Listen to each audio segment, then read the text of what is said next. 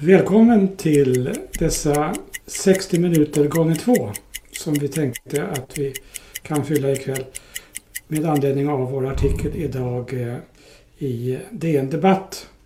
Eh, välkommen till Vetenskapsforum Covid-19.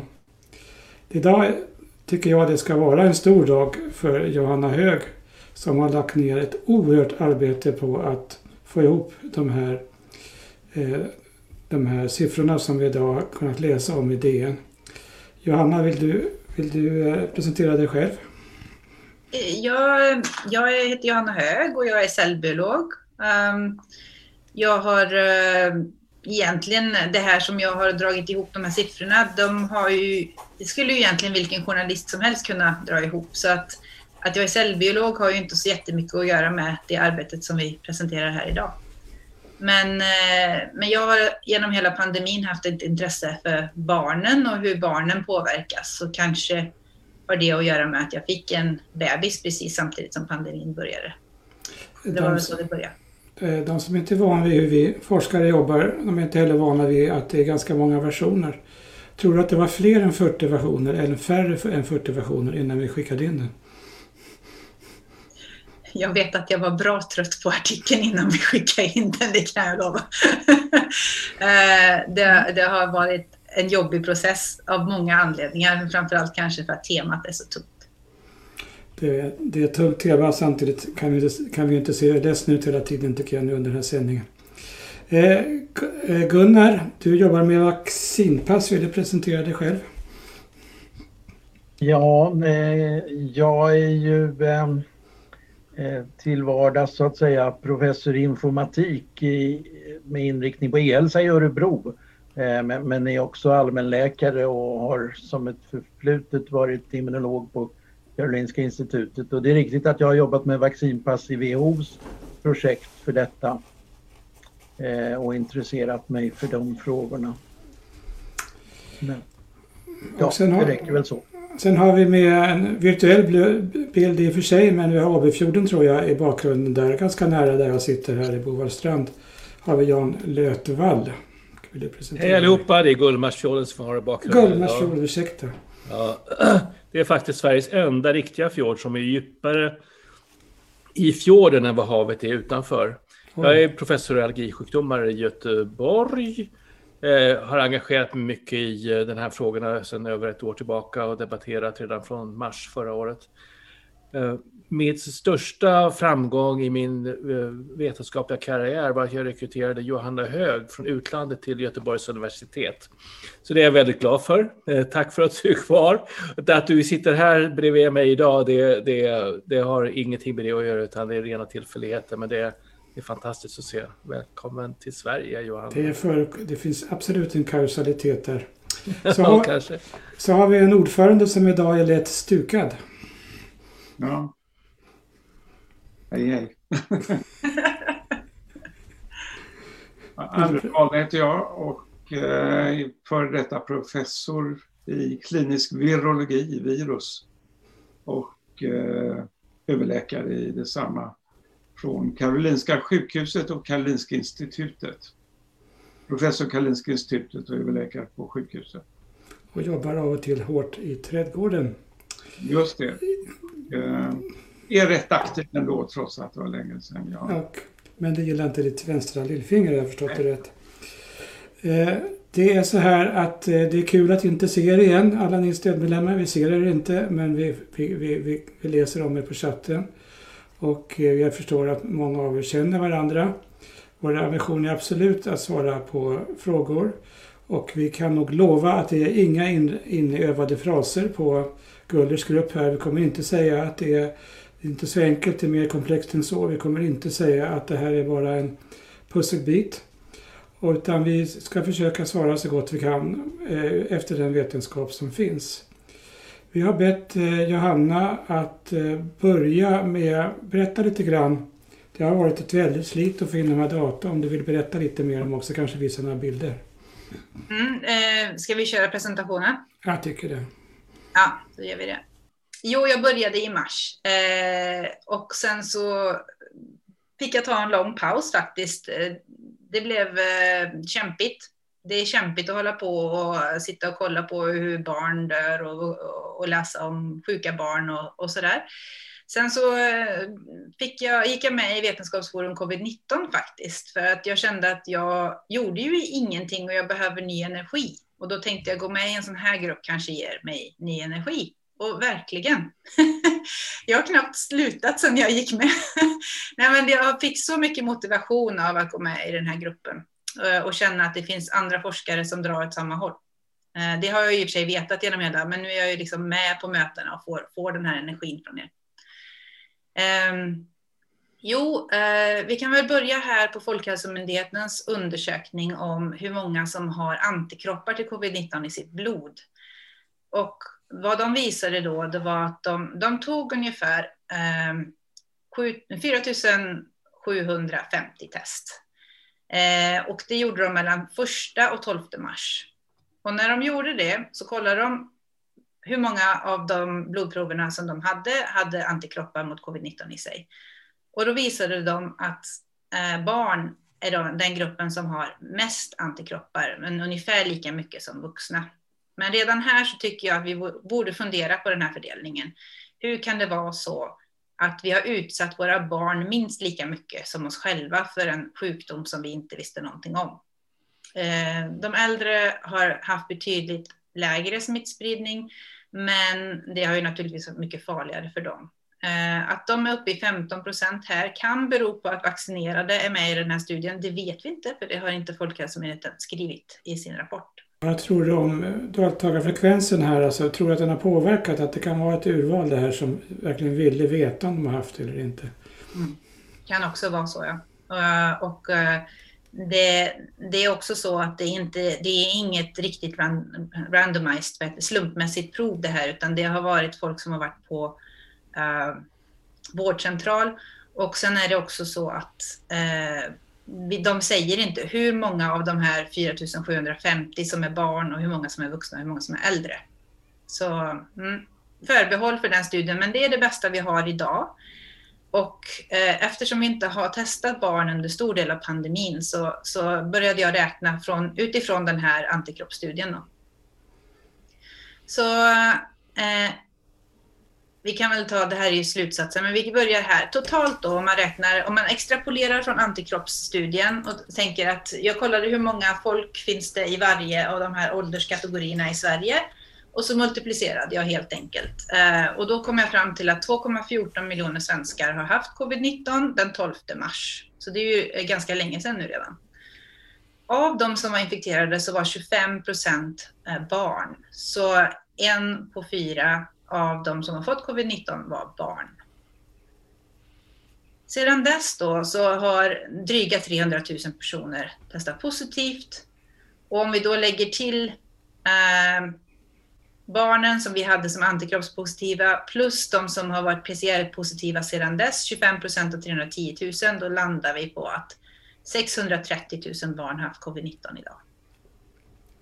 Så det är ju en betydlig summa och det är alltså en av fyra barn som finns. Vi har 2,4 miljoner eh, under eh, 19 i Sverige i, idag. Men ska väl betona att det finns en, det finns en stor osäkerhet i siffran. Utan ja. man, man, man tar vad man har och försöker göra det bästa möjliga uppskattning. Ja, det kan vara en underskattning, det kan vara en överskattning. Men det är det bästa vi har idag.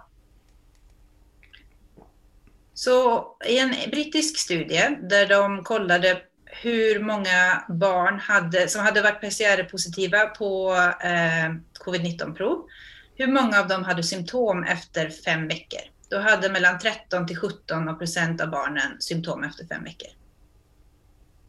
Eh, om vi då räknar med de här 167 000 barnen som tills idag har blivit PCR-positiva, alltså de har haft covid-19 i Sverige idag, då blir det mellan 16 000 och 50 000 barn ungefär som har haft eh, covid-19 med den siffran. Men om vi räknar på den här 630 000 barn, då blir det mellan 82 000 och eh, 107 000 barn som har drabbats av långtidscovid. Hur vi än vrider och vänder på det så är det tusentals barn som har fått lång, långtidscovid.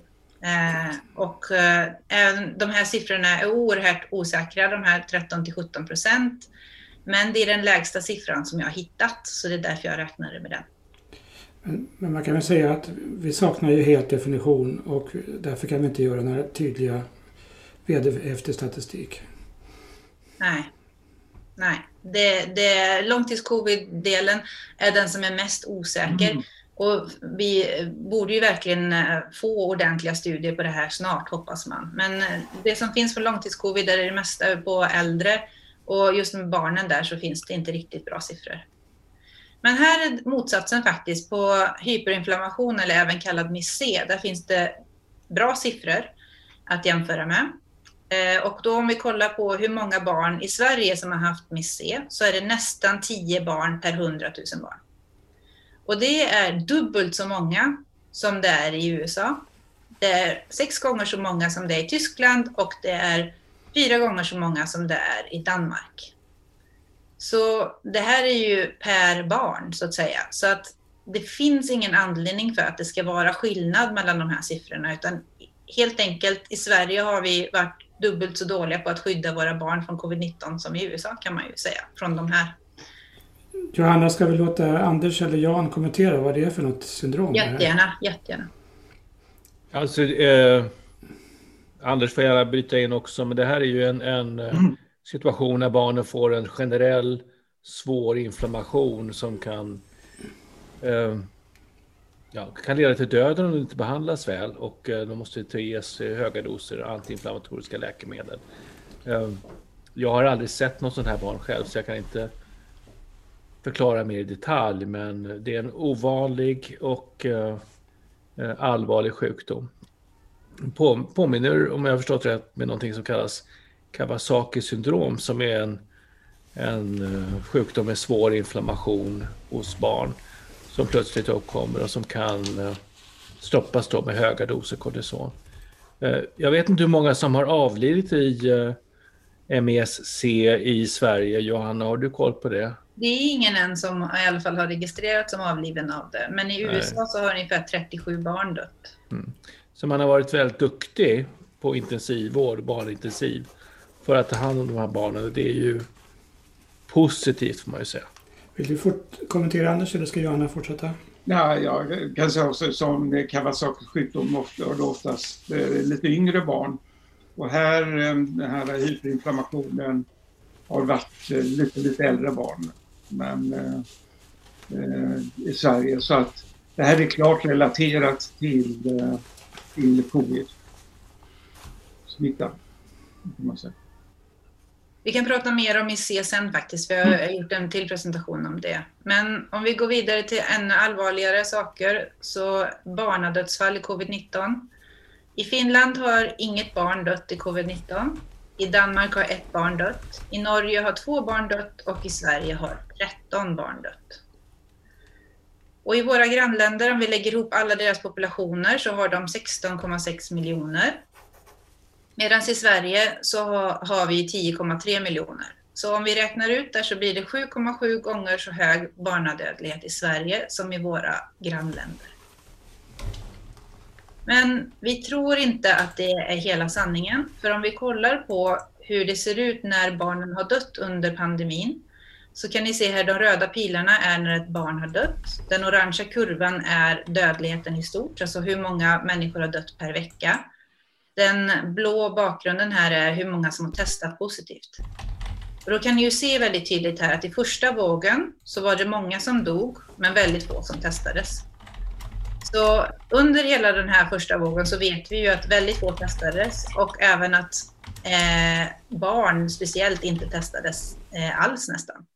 Och där har vi då bara ett dödsfall som har registrerats för, av ett barn med covid-19. Medan under andra vågen så har vi nio dödsfall och i tredje vågen än så länge så har vi tre dödsfall av barn. Så den här avsaknaden här eh, kan ju då eh, jämföras med att vi har ju hört att det var 68 procent överdödlighet hos barn i förra våren. Eh, plus då att det ser lite underligt ut att det är så många pilar här och ingenting där. Så då kan man kanske lägga ihop ett och annat och inse att den här 13 dödsfallen hos barn är nog en understatement. Och Johanna, i DN-artikeln då så var det små svarta prickar istället, eller hur? Ja, precis. De hade lagt upp prickar. Ja. Och sen har du, sen har du är inte de här sju barnen som har, som har avlidit när mamman har covid-19 som registrerades från eh, graviditetsregistret, de är inte med va? Mm. De fick, nog- de fick nog aldrig någon diagnos. Och eh, det har ju kommit, var det den här veckan som det kom en artikel från Brasilien att det är väldigt många gravida och deras barn som har gått bort, hundratals. Så att det är ju någonting som definitivt måste kollas noggrannare på. Kanske kan ett tillägg också att, att skalorna på eh, förra bilden, Förlåt, ja. att eh, skalorna för döda per vecka och fall per vecka är olika. Så där det är 100 fall så är det, så är det 7-8 tusen eh, cases som är testade. Som är positivt, eh, testade positivt. Mm. Ja, så här är alltså antalet fall per vecka och här är antalet dödsfall per vecka. Ja. Mm. Så ehm, om vi då jämför, om, bara, om vi kollar på bara år 2020 och jämför antalet dödsfall så kan vi se här att eh, i cykelolyckor i Sverige så dog det år 2020 två barn. Det hade gått ner från fyra barn och det är troligtvis för att vi har infört en lag om cykelhjälm i Sverige. Eh, alla barn under 15 år måste nu ha cykelhjälm på sig. Eh, och det är ju en väldigt bra grej. Vi, vi, vi undviker två barnadödsfall per år på det viset. Sen har vi, om vi jämför med drunkningsolyckor, så har vi eh, år 2000 hade vi eh, åtta barn som omkom i en drunkningsolycka och år 2020 så var motsvarande sex barn. Och däremellan har vi ju infört att simkunnighet är en, eh, ett måste för att få godkänt i gymnastik. De här jämförelserna det gör jag för att vi ska veta att, eller tänka på att vi gör saker i samhället som sparar barns liv eller som räddar barns liv. Eh, och de kan innebära ganska stora uppoffringar, till exempel för en familj att köpa en cykelhjälm. Om man jämför priset på en cykelhjälm och på ett bra munskydd så är ju munskyddet bra mycket billigare till exempel. Och här har vi då covid-19 år 2020. Som sagt, vi tror att det här är en underskattning, men i alla fall sex barn dog under 2020 i covid-19. Så att negligera det här som en dödsorsak i Sverige känns otroligt fel. Eh, och att vi borde diskutera verkligen även barns hälsa under den här pandemin. Sen har vi även kollat på uh, hur många som har dött i åldersgruppen 30 till 50 och vi är medvetna om att det här är ett väldigt snävt intervall.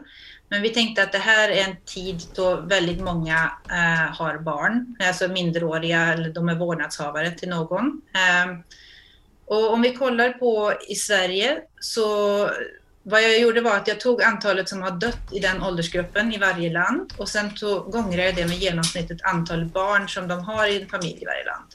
Och då kan vi se här att i Sverige så har en uppskattning av ungefär 250 barn förlorat en förälder. Medan motsvarande i Finland, Danmark och Norge är ungefär 25 stycken. Eh, Johanna, du får ta backa här. Siv Rydmark har ställt en fråga. Ja, Eh, eh, vad är barn här? Alltså vilka åldrar är det du menar? 0, 0 till 19. Ja, Jag, jag är också barn. Jag har en mamma i förälder som lever, så jag är också barn. ja. Men, eh, men det är bra att du definierar det. Jag tror det är rätt. Ja, för att Socialstyrelsen har tydligen gått ut och sagt att vi har fel. Eftersom det är färre barn som är mellan 0 och 17 som har dött. Men eh, eh, vi har menat mellan 0 och 19 och ingenting annat, Siv. Mm. Och, Mm. och eh, eh, jag vet inte om det var otydligt i artikeln. Var det otydligt i artikeln eller? Det, det, jag Vi har ju baserat allt det här på Folkhälsomyndighetens data och den är ju, eh, den är ju given från 0 till 19 år. Ja, så det, det är absolut så att eh, det, det kan ha fallit bort. Jag vet att vi hade det med ett tag. och det, ibland faller det, när gör man 40 versioner eller vad det kan ha varit, så ibland faller det bort grejer. Man blir blind för sin egen text. Men det är bra pe- påpekande Siv eh, vi, eh, Rydmark. Vi, vi menar barn 0 till 19 år och eh, ingenting annat. Så att eh, det, det är så det är. Jag, jag bröt dig där när du pratade om föräldrar och vårdnadshavare. Eh, vill du utveckla det lite grann vad du tror egentligen siffran är? Hur många föräldrar och vårdnadshavare som har avlidit och hur många barn som har blivit lämnade utan vårdnads, en eller två vårdnadshavare. Gunnar kan väl ta den kanske? Ja, alltså vårdnadshavare är ju det intressanta begreppet egentligen alltså, och inte den som biologiskt är förälder utan det är ju om ett barn mister någon vuxen som ska ta hand om dem eh, eller har tagit hand om dem. Eh, nu så finns det statistik på hur många barn som förlorar en vårdnadshavare eh, fram till 2019. Men för 2020, första halvåret i år, har vi inte fått fram det än från Statistiska centralbyrån som jag har varit i kontakt med några gånger om det där. Eh, men obs att begreppet vårdnadshavare i Sverige är då upp till 18 års ålder, alltså 0 till 17 snarare. Så att anledningen till att vi hade 0 till 19 i, i studien som Johanna gjorde är ju att Folkhälsomyndigheten har redovisat det som barn. Eh, men, men i många sammanhang så är ju barnbegreppet innan man fyller 18 när man anses vara vuxen. Eh, ja, i varje fall blir man myndig på något sätt va? Sen är det naturligtvis många som, som är i Jans ålder som, som också saknar sina föräldrar om de går bort. Men, men, men det var inte det vi pratade om här utan hur just minderåriga barn liksom drabbas utav covid-19. Gunnar, kan du hur många som eh, förlorar en vårdnadshavare före 2020, 2019? Har du koll på den statistiken? Det är ungefär 3000 per år faktiskt. Men, men äh, människor avlider ju av alla möjliga orsaker. Så att mm. det är ju inte ett okänt begrepp att, eh, och det, det är ju ungefär 100 000 barn i varje årskurs. Va? Men Johanna, från början hade vi med upp till 60 år och, eh, och, och egentligen tyckte vi att vi skulle skära i 55 för att få en exaktare siffra. Men varför, varför hade vi inte det? Det var också för att eh, Folkhälsomyndigheten registrerar ju i tiotals år så att då hade det blivit det hade varit svårt att få tag på den siffran eh, mellan 30 och 55. Men det hade kanske varit den mest sanna siffran så att säga. Men sen finns det också de som får barn när de är 20 år gamla. Och, ja, så det, det är ju svårt. Men det jag skulle vilja efterlysa är varför, varför får vi inte, ja men varför redovisar de inte den här siffran själva? För det är ju, i Sverige har vi ju koll på hur många som har minderåriga som bor hemma hos dem. Och, ja, alltså jag menar myndigheterna skulle ju kunna begära fram de här siffrorna som ju finns i de här personnummerbaserade registren och ta reda på exakt hur många barn har haft en förälder som har avlidit med registrerad covid-19. Liksom. Det, det, är klart att de kan ta fram, särskilt om någon skulle vilja försöka bevisa att vår upp, försiktiga uppskattning är för hög. Men vi, vi är ju rätt övertygade om att den snarare är för låg för att eh, eh det är inte bara de som är 20 och får barn. Tänk på PG Gyllenhammar för att prata om en göteborgare. Han var väl 75 eller något när han blev förälder sist. Det tror jag. Johanna, eh, du har kunnat avläsa här eh, under dagen reaktionen på din artikel. Jag vet att du har varit lite besviken. Du vill utveckla det? Mm, Ja, det som jag har tyckt varit tråkigt är att det har varit så mycket fokus på en rubrik och det vill jag verkligen eh, berätta att när man skriver en debattartikel så är det ju inte vi själva som satte rubriken. Ehm, och det var ju DN som satte rubriken att den fjärde våg som drabbar, kommer drabba ovaccinerade barn. Och även ifall vi tror att den i och för sig kan vara sann så var det ju inte det som 99 procent av vår artikel handlade om. Eh, utan vad vi ville få fram var ju en ganska torr men eh, genomgång av hur barns hälsa har påverkats under det första året av pandemin. Eh, det är väl egentligen det vi har gjort i den här artikeln och vill då belysa att det är inte så att barn inte har påverkats utan de har påverkats starkt. Eh, att det finns barn som är sjuka efter fortfarande ett år med långtidscovid. Ehm, det finns mycket tragiska historier där. Eh, Lotta Lindström vill själv eh, kolla upp de här siffrorna. Hon undrar var, vad hittar jag det? Vad hittar jag det här? Hon säger att Socialstyrelsen verkar ha fler än 13 stycken. Var, var letar Lotta Lindström någonstans efter siffrorna för att... För, för dödsfall? Ja, för att vara en hobbyepidemiolog värd namnet. Ja, för dödsfallen har jag ju bara använt Folkhälsomyndighetens, eh, den rapporten som de eh, släpper varje dag. De ger ju en Excel-fil där, så det är bara att ladda ner och så står det ju hur många som har dött i varje, eh, vad heter det, decade eh, av, av ålder. Mm. Eh, varje tio, tiotal år. Men har mm. inte SCB också en dödsorsaksstatistik som man kan använda som kommer lite senare och lite mer...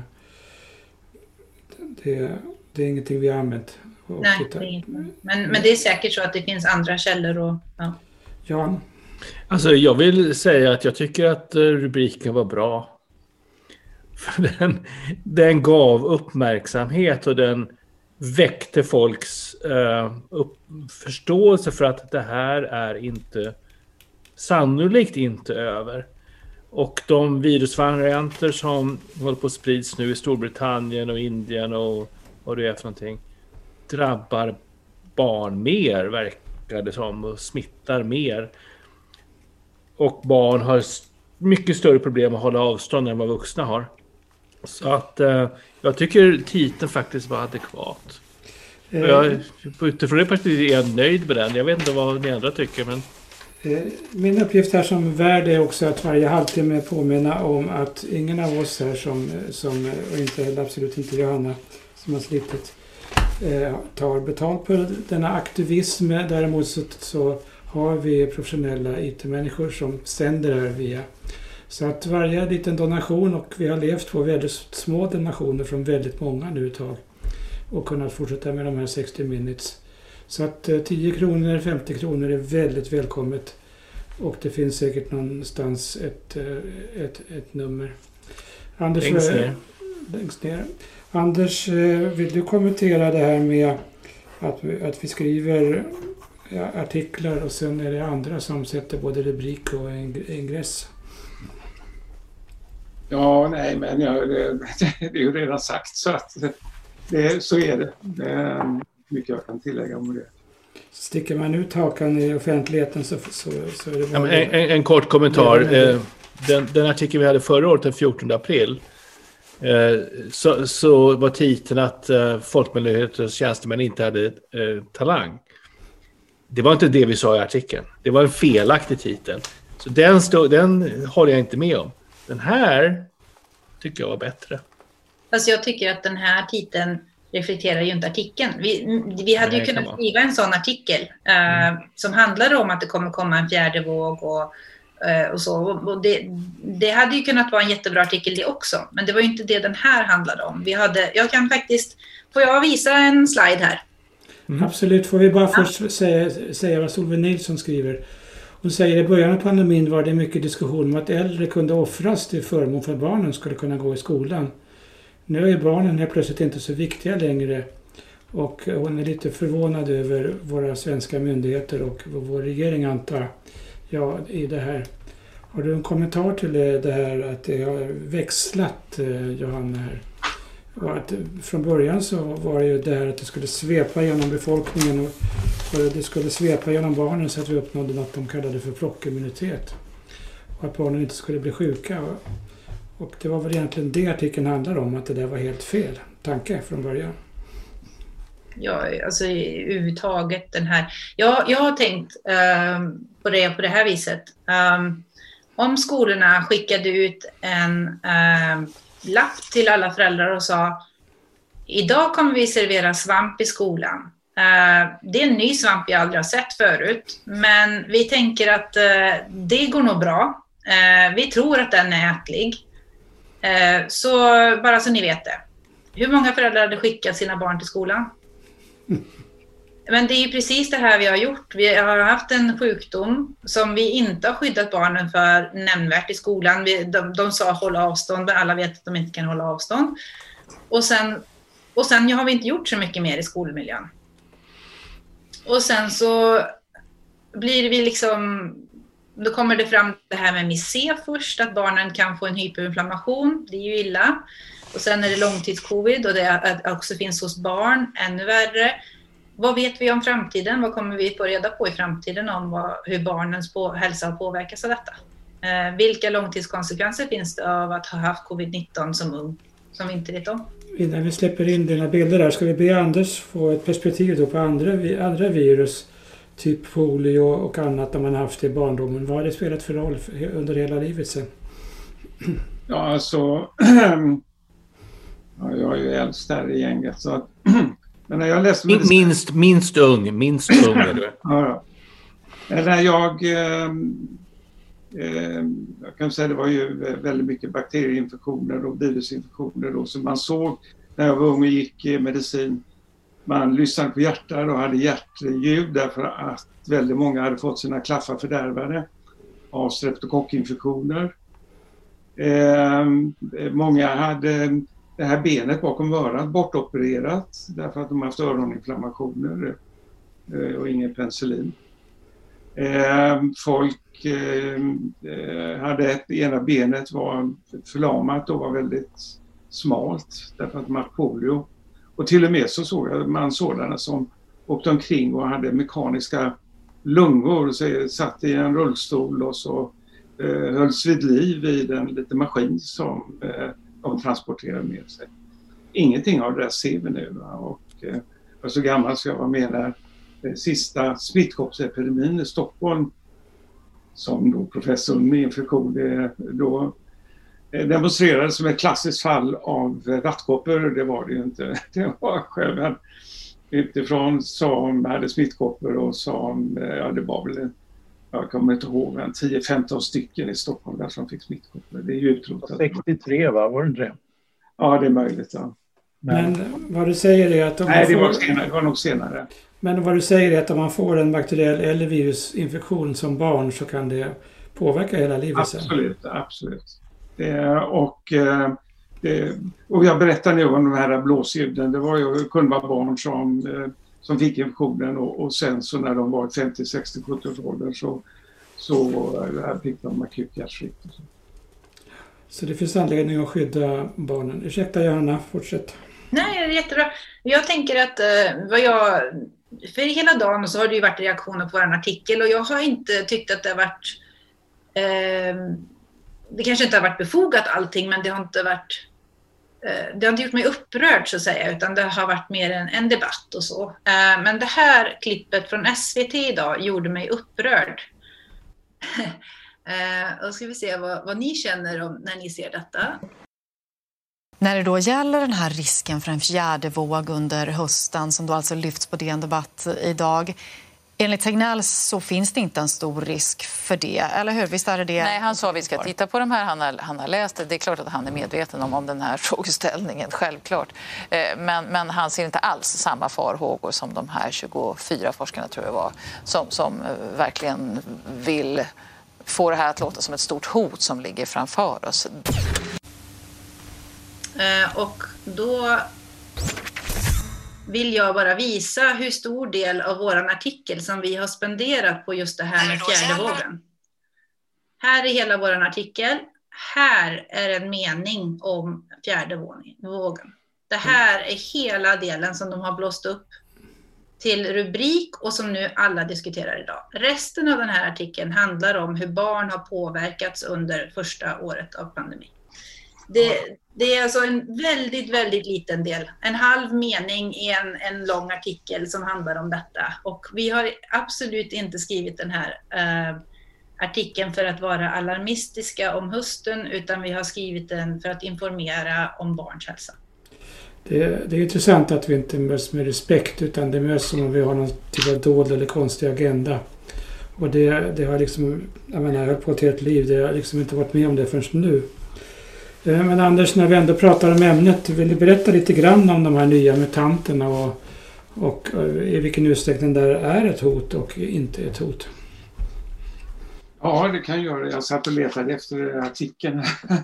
jag har så mycket papper och min stapler när häftmaskinen har gått sönder. Så att, eh, jo, alltså det här viruset är ju inte ett människovirus från början. Det, jag menar, bara för eh, ett och ett halvt år sedan var det inte hos människa.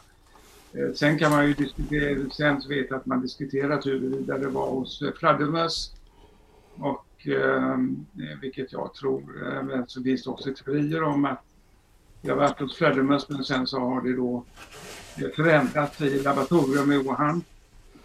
Eh, härom vet vi ingenting. Eh, det, det finns de som förfäktar båda, båda sidorna. Eh, eh,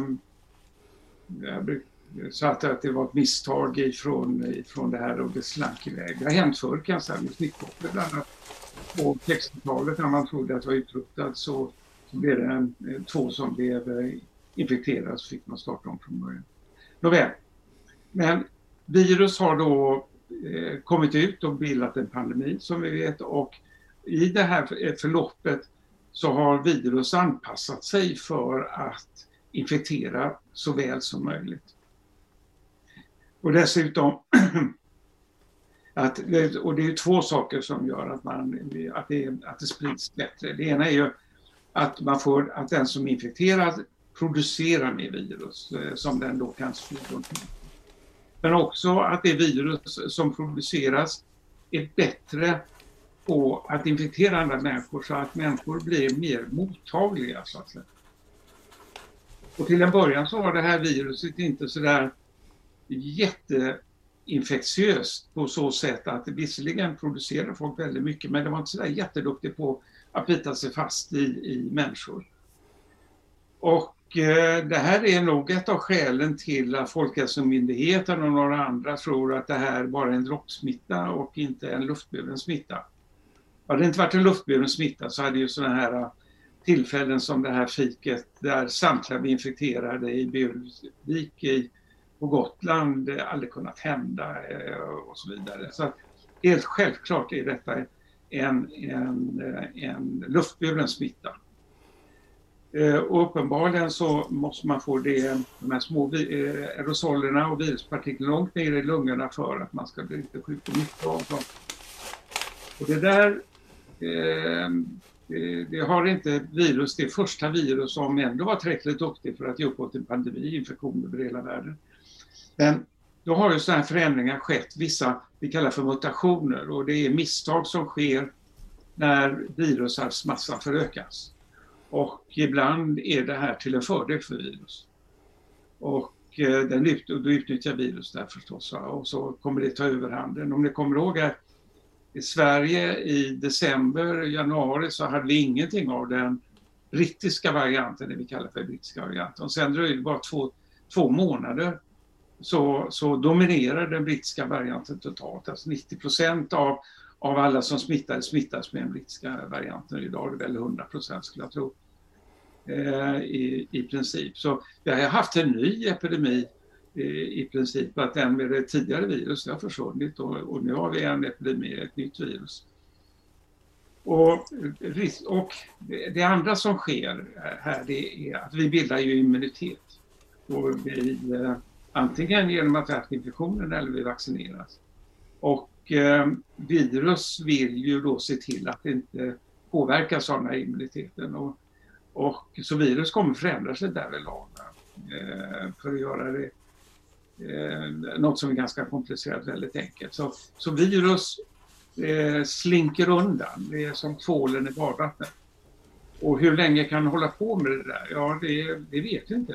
Men tror du, ursäkta att jag avbryter, tror du att det kan komma en fjärde våg nu med en farligare mutant som är mer smittsam och kanske smiter undan ibland från de, den vaccinationen vi har? Är det möjligt tror du? Ja, det är absolut möjligt. Och grejen är också det här att mottaglighet eh, eller immunitet är ju inte noll eller ett. Det är inte binärt. Utan eh, där finns ju en gradskillnad i hur, hur immun man är och, och, hur mottaglig man är.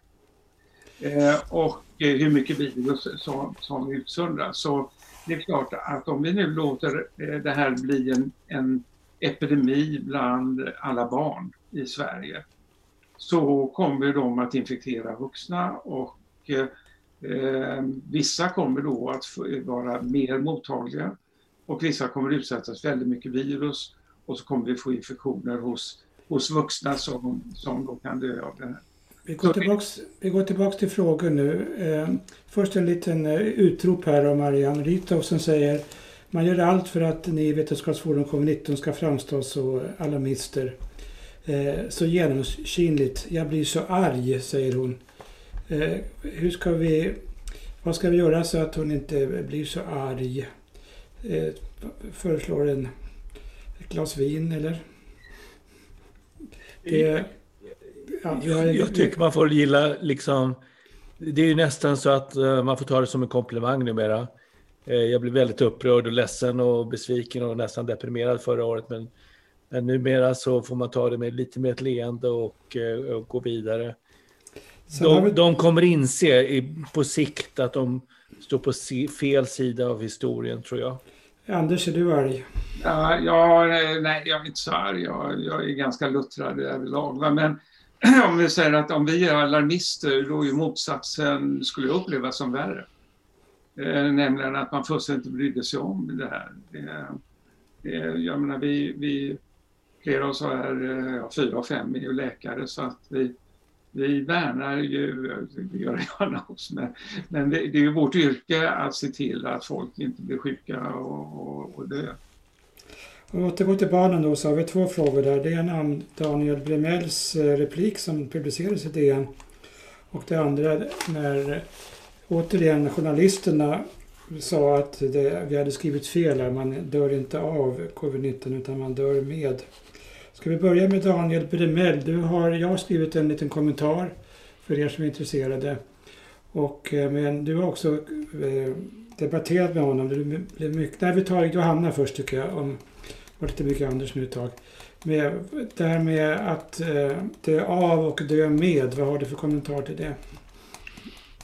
Ja, jag har ju en, en, eh, en, personlig erfarenhet av det att min mormor, hon gick ju bort här med covid-19 och hon dog på dag 31. Eh, så hon är ju inte med i någon statistik. Och där är ju verkligen frågan om om hon dog av eller med. Men spelar det någon roll? Det var ju covid-19 som blev sista droppen eh, som, som gjorde att hon gick bort. Hade hon inte fått covid-19 så är jag övertygad om att hon hade levt lite längre. Eh, kanske inte jättemycket längre, men hon hade levt längre. Ehm, så är det relevant? Är det ens en relevant diskussion att ha? Det, det, är, ju, det är ju så rent, rent faktiskt att när vi skriver dödsårsaksintyg så är, pratar vi om en underliggande dödsorsak, till exempel prostatacancer. Och, eh, och eh, som då på olika sätt kan göra att man avlider. Men i ett enskilt fall, det kan, det kan man ju bara titta på egentligen faktiskt på grupper. Men vi sätter ju dödsorsaker på det sättet. Och eh, du Johanna, du vet att de har plockat bort två barn för att de spekulerade, journalisterna, att det här var helt galet med 13 barn. För att de kan absolut ha dött med. Men du säger att Folkhälsomyndigheten har varit där och plockat bort barn. Fast vi vet inte varför de har plockat bort. Vi vet att två barn kom upp i statistiken och sen försvann igen.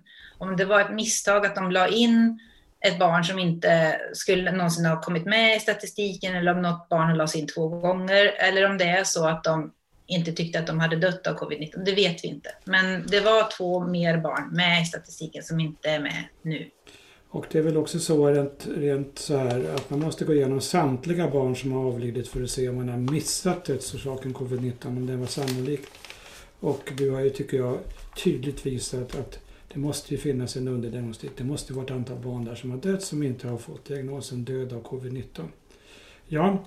Det finns ju eh, följdsjukdomar på covid-19 som kan leda till eh, död, till exempel blodförgiftning eller svåra infektioner. Och eh, eh det diskuterades ju i alla fall att eh, bristen på dödsfall på covid-19 hos barn under första vågen kan ha berott på att de faktiskt fick en blodförgiftning och dog av blodförgiftningen. Det vill säga en bak systemisk bakteriell inflammation, en, en infektion som spreds i hela kroppen. Och det kan förklara inte... att inte diagnostiken kom med. Och eftersom de inte var testade så fick de inte rätt underliggande dödsorsak. Samma, exakt. Eh, Anders, eh, du är klockan, idag så debatterade du med vår kollega Daniel Bremell som hävdar att vi inte alls förstår att det här var en osäker litteratur kring långcovid och vi begriper inte ett ögonblick hur man eh, kan ta reda på hur eh, många som har haft eh, långcovid. covid. Håller du med honom? Nej, alltså, ja, både ja och nej. Vi, vi skriver ju i artikeln att eftersom inte begreppet långtidscovid är, är definierat så är det väldigt svårt att, att få någon, någon bra statistik på, på det hela. Men det finns ju ett antal artiklar, vi tog upp fyra stycken tror jag. Eh, det finns, det finns även fler. Och, eh, eh där man har erfarenheter av, eh, av det här och gör bedömningar. Eh, nu är inte jag någon vare sig epidemiolog eller statistiker så eh, men eh, vad Bremell ondgjorde sig över var att eh, vi, eh, att de här studierna som vi refererar till, att det inte fanns eh, kontrollgrupper. Och eh, eh, med samma resonemang skulle man aldrig kunna få lov att skriva en fallstudie så vill man hitta någon, eh, någon annan person och, och det blir inte någon statistik av det ändå. Men, eh, det, är, det är precis så, nu griper jag in Anders. Vad jag skrev i min kommentar det är ju att det var en liknande situation vad gäller följdsjukdomar och följdtillstånd till cancerbehandling på 90-talet och jag har ägnat min forskargärning åt att uh, utveckla metoder då som är precis i enlighet med vad han skissar i den här. Det vill säga att man till att börja med inventerar alla symptom och när det gäller canceröverlevare så har vi uppe i ett 60-tal symptom som vi satte i en enkät. Vi tyckte det var stopp där. och Det är ingenting konstigt att man har 100 symptom av långcovid om det är en autoimmun sjukdom.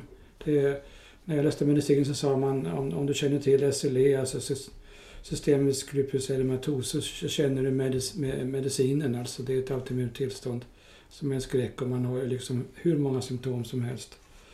Och eh, det var ju likadant här. Cancerbehandling ger en massa symptom. Vi måste börja med att imitera. Vi måste börja med att skicka ut enkäter. Tack alla ni som kanske har deltagit. Och till eh, kontrollgrupp som inte har haft den här cancern. Och så jämför man statistiskt om symptomet är mer vanligt. Och det är första steget, sen kopplar vi det till behandling, det är andra steget. Tredje steget var då att vi gjorde med så kallad faktoranalys statistiskt, att vi kunde gruppera de här symptomen till syndrom. Och, eh, eh och kunde börja uttala oss om de här syndromens bakomliggande sjukdomsorsaker eller patofysiologier som vi kallar det.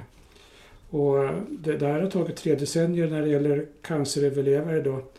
Och, eh, men jag jag, jag tänker mig en liknande utveckling nu när det är långtidscovid. Att man får börja med att inventera alla de här hundra symptomen vi såg på tv igår. Och det tv-programmet. Och eh, sen får man göra statistik på det. De som har haft covid-19, de som inte har haft det, se frekvensen och sen försöka bara gruppera de här symptomen till syndrom. Vilka kan ha att göra med autoimmunitet, vilka kan ha att göra med kvarvarande virus, vilket kan ha att göra med att lungorna har fått en skada som är bestående. Vilka kan ha att göra med att det har varit små proppar i hjärtat och så vidare och så vidare. Och det här kommer ju ta ett tag. Det är som vi kallar fenotyp av uh, sjukdom egentligen. Precis så. Subgrupper av sjukdom. Precis på. Så att... Uh, så jag menar, vad du försöker säga, vad du säger uppenbarligen är att långtidscovid är absolut inte en sjukdom, utan det är multipla sjukdomar, men att den här eh, infektionen kan ge upphov till flera olika långdragna problem. Eh, allt från luktbortfall till hjärtrytmrubbningar och blodtrycksproblem hos unga och, och eh, till och med, om jag förstod rätt statistiken, att även efter att genomgången infektion så har man ökad dödlighet oavsett ålder. Så att vi har ingen säker statistik. Vad vi kunde göra när vi skrev artikeln då att ta fram den de artiklarna som finns och eh, kvaliteten på de artiklarna det var ingenting som vi hade stått för. Eh, Svanhild eh, Kikki Hansen kommer tillbaks på det här med att dö med och dö, dö av och det är alldeles riktigt återigen att, att den här vetenskapsjournalisten hävdade att de här barnen lika gärna kunde ha dött av en trafikolycka och, och, och diagnostiserade med covid-19. Men vi menar på att vi tror att det, är, att, att det inte är ett liksom annorlunda i Sverige här än i våra grannländer när vi gör jämförelsen. Och eh, eh, eh, det vanliga är att man skriver underliggande dödsorsak Och vi tror också att Folkhälsomyndigheten helt enkelt har rensat bort de, de enskilda fallen. Men där vet vi inte hur det är, som Johanna redan har sagt. Ska vi lämna de ämnena? Hade du förberett någon mer slide, Johanna? Hur var det? Ja, vi kan köra den nu. Jag har funderat lite och eh, en eh, tjej som heter Sofia Breland som jag har jobbat ihop med har också funderat på detta. Så det här är en, en presentation där jag försöker att gå igenom, vänta lite, nu är det fortfarande så här att min gamla presentation har öppnat. Sof Sofia är läkare som eh, ja. blev sjuk i covid tidigt förra året och fick det igen tror jag. Så, ehm. Alltså hon har gjort ett jätteinsats för den här artikeln men precis som för Johanna så tyckte hon att det här var oerhört jobbigt och besvärligt och, eh, och också arbetsamt att, att, inte, att det är så många som, som inte bryr sig. Att det var, det var, det var för henne en, en, en och så hon drog sig tillbaka från arbetet. Därför har hon inte varit med om de sista veckorna. Vi kan ju säga att Sofia ingår ju också i gruppen Läkare till läkare som, som även haft en del samtal på kanalen tidigare. Okej, så här i den här presentationen så betyder den här lilla figuren, eh, den representerar ett barn som har drabbats av hyperinflammation eller MIS-C. Och eh, nu ska vi se här. Eh, I Danmark har 25 barn alltså fått MIS-C. Men i Sverige är motsvarande siffra 234. Det ser ut så här. Så Oj. ni ser att det är oerhört många fler.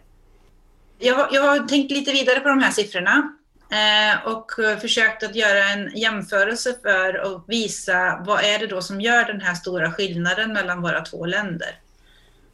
Så i Sverige 234 fall, i Danmark 25. I Sverige bor det 10,3 miljoner, i Danmark 5,8. Så om vi låtsas att Danmark har lika stor population som Sverige, då skulle de ha haft 44 fall av MIS-C.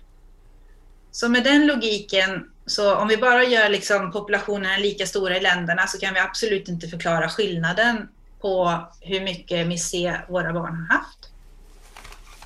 Så då är, det, är detta då på grund av att vi har haft större smittspridning i Sverige Eh, och då var jag tvungen att räkna ut hur stor smittspridning vi har haft i Sverige.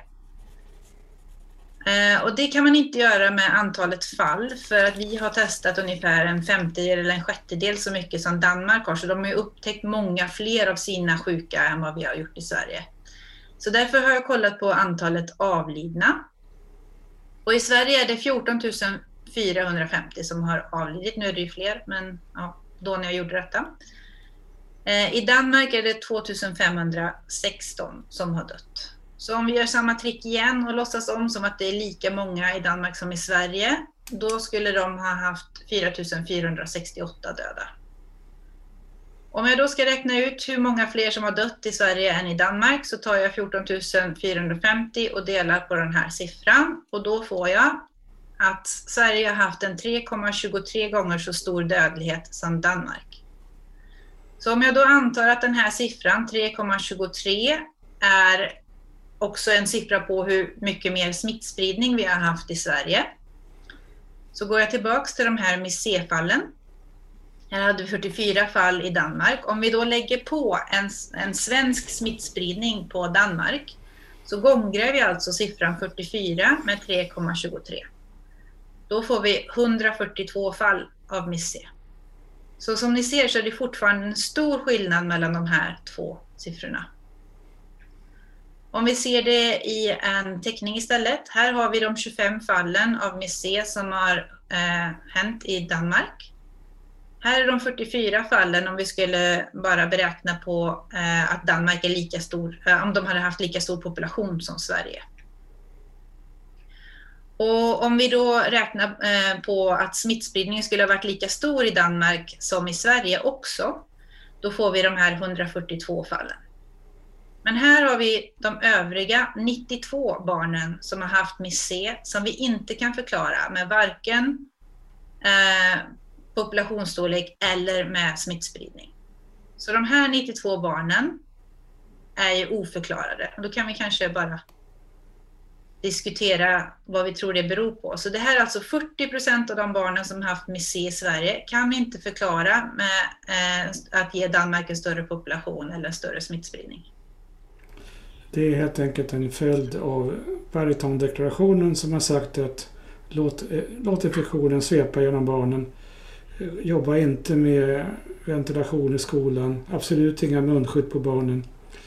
Eh, eh, Absolut inte sång utomhus utan sjung inomhus, skrik på varandra och så vidare. Är det så du tänker? Ja, jag tror ju att det har att göra med att vi inte har stängt våra skolor, att, ja, att vi inte har skyddat barnen i skolorna tillräckligt. Eh, varför inte barnen har använt munskydd eh, ja, och så vidare och så vidare. Eh, och fram till i julas tror jag, i alla fall så var det så på våran skola, att fram till i julas hade ju i stort sett inget gjorts på skolan för att eh, för att smittskydda barnen helt enkelt. Men vad du säger också är att det var en större smittspridning bland barn än vad som är redovisat. Ja, det blir ju en konsekvens av de siffrorna jag visar. Eh, mm. egentligen skulle man kunna räkna tillbaks på det också. Eh, om, man, om man vet prevalensen av MIS-C så skulle man ju kunna räkna ut hur många barn som har haft covid-19 från att veta antalet fall av MIS-C vi har haft. Det, här är en liten... fick... ja, förlåt. det här är en liten blänkare till Läkartidningen för det här är ju... För annars är ju reflexen, ja okej, vi hade en massa sjuka barn eftersom vi har stor smittspridning men det är ju faktiskt så att det också är så att vi inte har skyddat barnen. Ja. Ja, fler, fler barn har fått, fått MIS-C, eller förlåt, fler barn har fått covid-19 i Sverige än i andra länder. Och det har ju varit en väldig skillnad. Jag har en dotter i, i, som jobbar i Köpenhamn och eh, en kollega där var ju oerhört tacksam för hennes son satt bredvid någon en timme på en extraundervisning som sen insjuknade i covid-19. Och hon fick direkt då ett sms. Din son har suttit bredvid någon som haft covid-19. Isolera honom hemma en, en vecka. Och hon själv eh, tillhör en riskgrupp då och han var isolerad och insjuknade men hon blev inte sjuk då.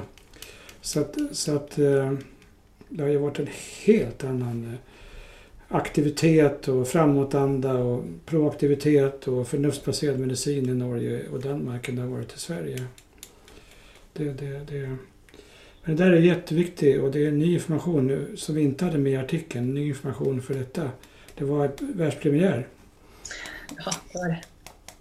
Och eh, det tackar vi för. Och eh, det där är ju en blänkare tycker jag till Läkartidningen. Nu är det återigen mitt, mitt eh, jobb här som värd och påminna om att eh, vi kan göra de här sändningarna och vi gör dem så gärna.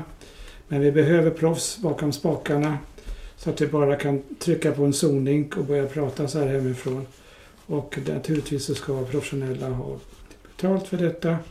Och vi går just nu runt på en stor mängd eh, små donationer mellan en 10 kronor, 50 kronor, 100 kronor. Väldigt tacksamt om ni eh, fortsätter med det och eh, så att vi kan fortsätta så länge vi behöver. Vi kommer naturligtvis att sluta med detta när vi inte längre eh, eller om det nu är så att den här kritiken i konstitutionsutskottet från alla partier eh, är att de har fått en ursäkt nu och, och Focka. Eh, men så, det är väl ett önsketänkande. Målet, målet för oss är att sprida information till allmänheten. Lämnade Johanna? Ja, hon, hon, eh, hon, hon försvann där. Vi har två ja. frågor här. Det ena är, då, det kan vi ta dig Anders när Johanna försvann. Eh, det är många som skriver här och vill tacka dig för eh, din insats eh, på dagens och tidigare presskonferenser. Det är många som skriver här att de är arga återigen på Christer Jansson som ju är Priops, eh, att han är ett superproffs på psykologisk krigsföring. Han har ju sysslat med det. Och eh, man arga och de vill att du ska kommentera vad som hände idag.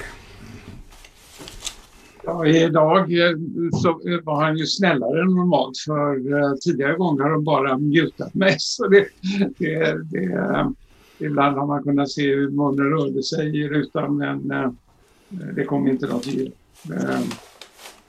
Så, så jag fick ju fortsätta och så blev han ju lite irriterad på slutet och, och, och frågade om jag hade ytterligare någon fråga eller om jag kunde lägga av. Men, men vill du kommentera svaren också ifrån? Ja, alltså det, det, som alltid så, så blir det ju nonsenssvar. Det, jag tyckte Tegnell dock var lite Eh, med spak idag. Det, det får jag säga. Det, ehm, det, det, var nästan så jag trodde han skulle hålla med mig. Men eh, det kom ju på skam förstås. Men, eh, nej, jag... Eh, Ja, vad snällt att ni eh, tycker att, att ni uppskattar att jag ställer frågor. Ja, både du och Lena sätter ju av tid för detta och jag tycker det är en fantastisk insats ni gör alltså.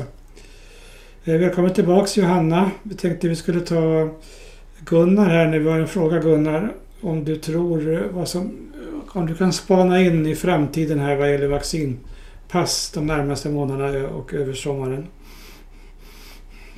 Ja, det, det är ju väl ganska klart att vi också i Sverige från första juli i alla fall ska kunna ha sådana här digitala vaccinpass som ju svenska regeringen tycker ska användas för att man ska kunna resa eh, inom Europa. Andra användningar verkar de lite mer tveksamma till. Eh, det är värt att notera att i, igår var det väl så började ju sju länder redan i Europa, där har, har de det här redan fungerande. Danmark till exempel eh, enligt det nya europeiska systemet men Sverige är inte med. Men man kan då undra när, när familjerna här har tänkt sig att resa till Spanien eller Grekland och eh, barnen får inte vaccinera sig så de får väl stanna hemma då. Eh, men eh, sen eh, är inte det en huvudanledning till att jag tycker att det vore bra om vi började vaccinera barn från 12 års ålder nu som flera andra länder har gjort. Vad är det för länder? Eh, eh, det är bland annat i Tyskland va? och i Italien och i Kalifornien där man faktiskt ju har börjat göra det med de här vaccinen som har testats på barn i de åldrarna och funnits säkra. Ja, de är godkänt av EU och EMA kan du väl säga då, vaccinet. Ja. Eh, utan huvudanledningen är ju att vi inte vill varken att fler barn ska smittas och bli sjuka och dessutom så som Anders sa så om man skulle tillåta en vild fortsatt smittspridning hos de 75 procent eller så av de svenska barnen som ännu inte har fått covid-19 så ökar risken för att dels elakare varianter växer sig starka och att barnen också kommer att smitta föra. Men Gunnar, nu måste jag avbryta dig. Jag tycker du har gjort en tegnelloid undanglidning härifrån min fråga.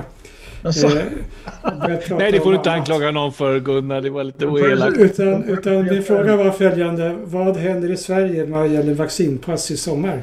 Ja, men jag sa ju det att från första juli så är jag säker på att alla, eller säker och säker, men att alla som har blivit vaccinerade kommer att kunna få ett digitalt vaccinpass eh, som man går in på via 1177.se så kommer E-hälsomyndigheten officiellt eh, signera ett digitalt vaccinpass där själva uppgifterna hämtas från det nationella vaccinationsregister som ju Folkhälsomyndigheten har. Det är därför som man i tidningarna och på Folkhälsomyndighetens presskonferenser kan få veta hur många som faktiskt har vaccinerats.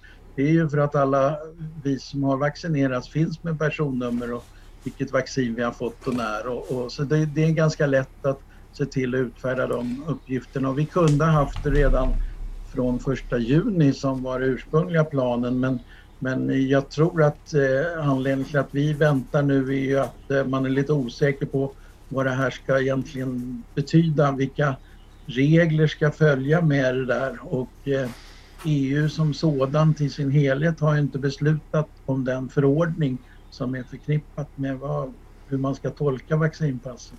Däremot... Du tror att det kommer att behövas inom Sverige eller tror du att det kommer att handla om utlandsresor?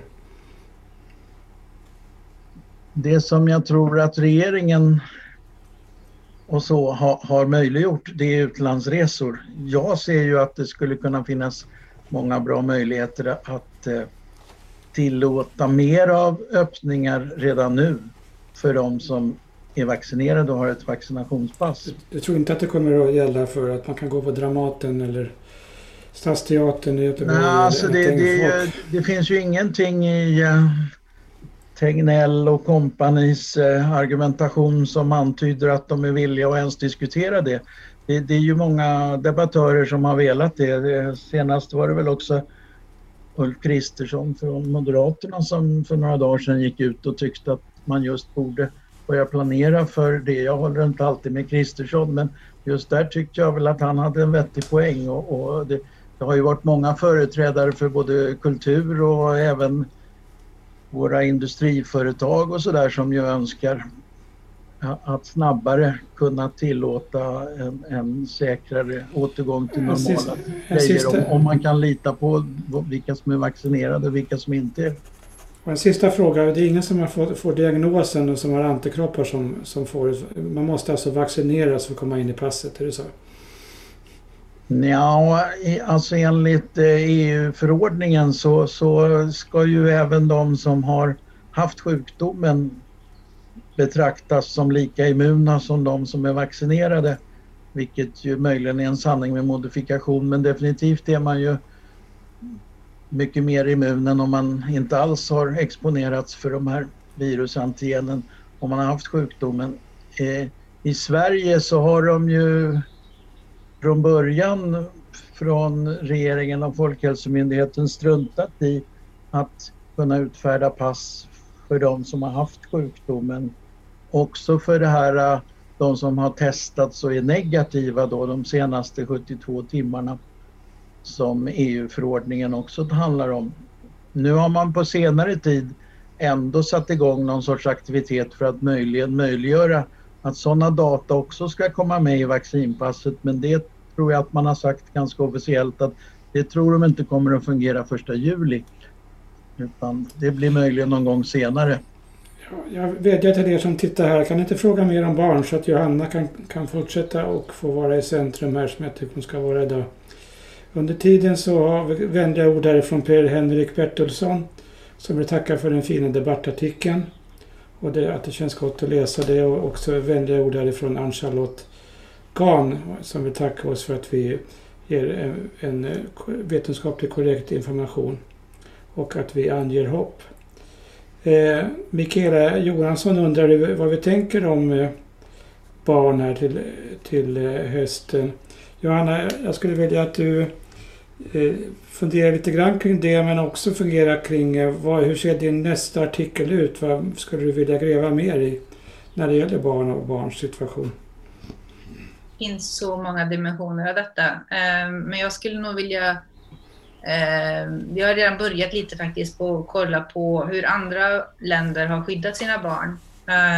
och, för det är ju väldigt intressant naturligtvis, de här länderna som har lyckats bättre än oss. Vi ska ju inte alltid jämföra oss med Belgien eller vad det är Tegnell gillar att göra.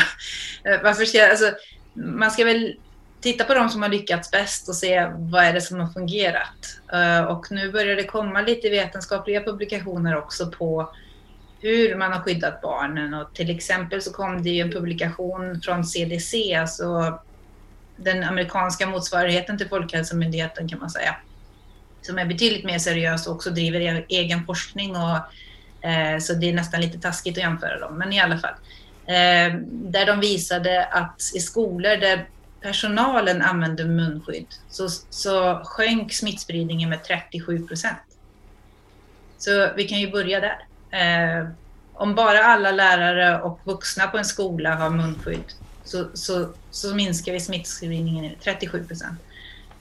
Det var, jag tror det var 39 procent mindre smittspridning när de hade ökat ventilationen och 48 procent mindre smittspridning när den ventilationen också gick igenom något slags filter, som ett HEPA-filter till exempel.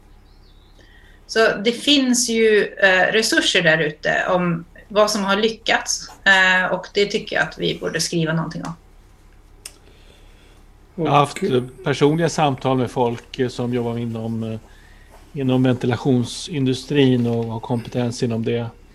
Och det är utan tvekan så att det finns ganska enkla åtgärder för att få ner spridning av eh, virus via ventilation i till exempel butiker och shoppingmalls och vad det må vara, även skolor självklart.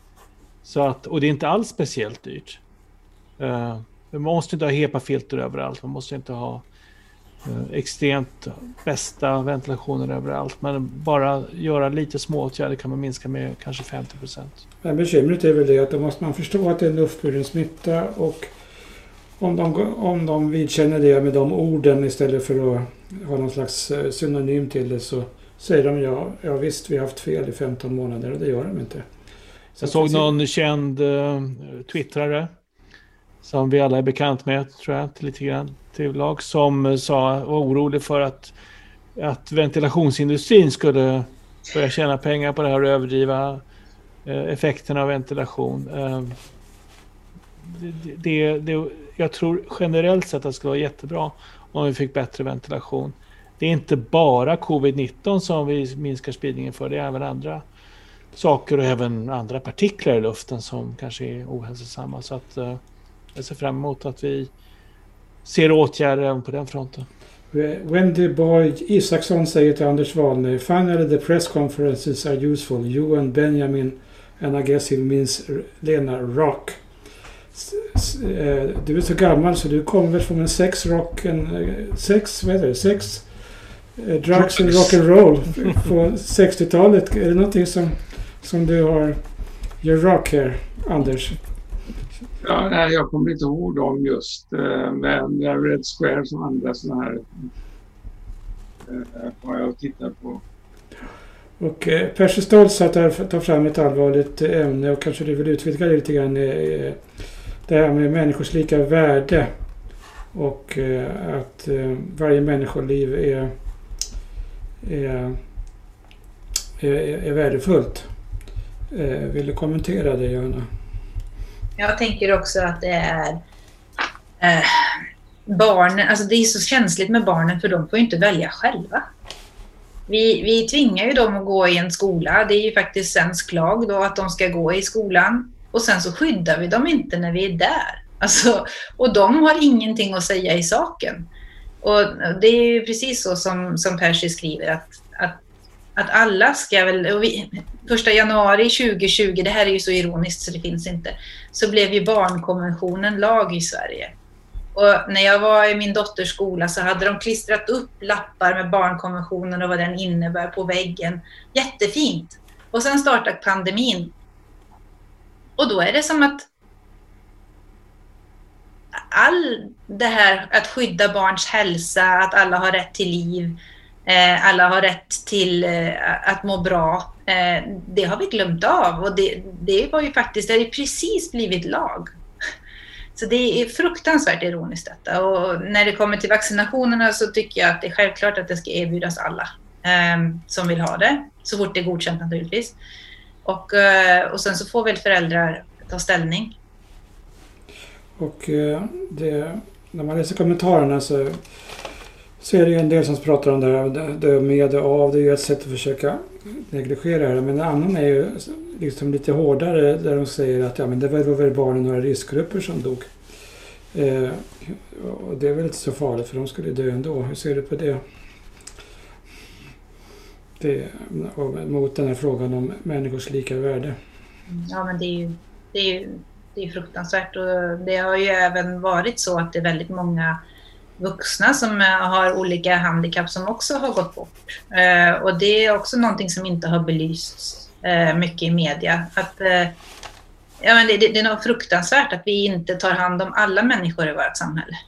Eh, men jag, tyck, jag tycker också det är fruktansvärt hur de gamla har behandlats i det här. Att inte, att inte de äldre har skyddats bättre med munskydd och, och på äldreboenden och allt vad det är. Alltså, så det, det är ju, jag tycker att det är, är en eh, en katastrof som vi har gått igenom. Ja, jag vill gärna göra reklam för några samtal jag gjorde för cirka ett år sedan med Katinka Svanberg som är människorättsexpert.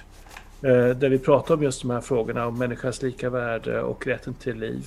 Hon pratar om det ganska bra. Hon, eh, hon var på gästforskningsverksamhet i Melbourne eh, under den perioden. Så att jag har inte pratat med henne sedan dess. Men det är, det är bra samtal. Hon har kloka saker och leta gärna upp dem i vår kanal och, och lyssna på dem.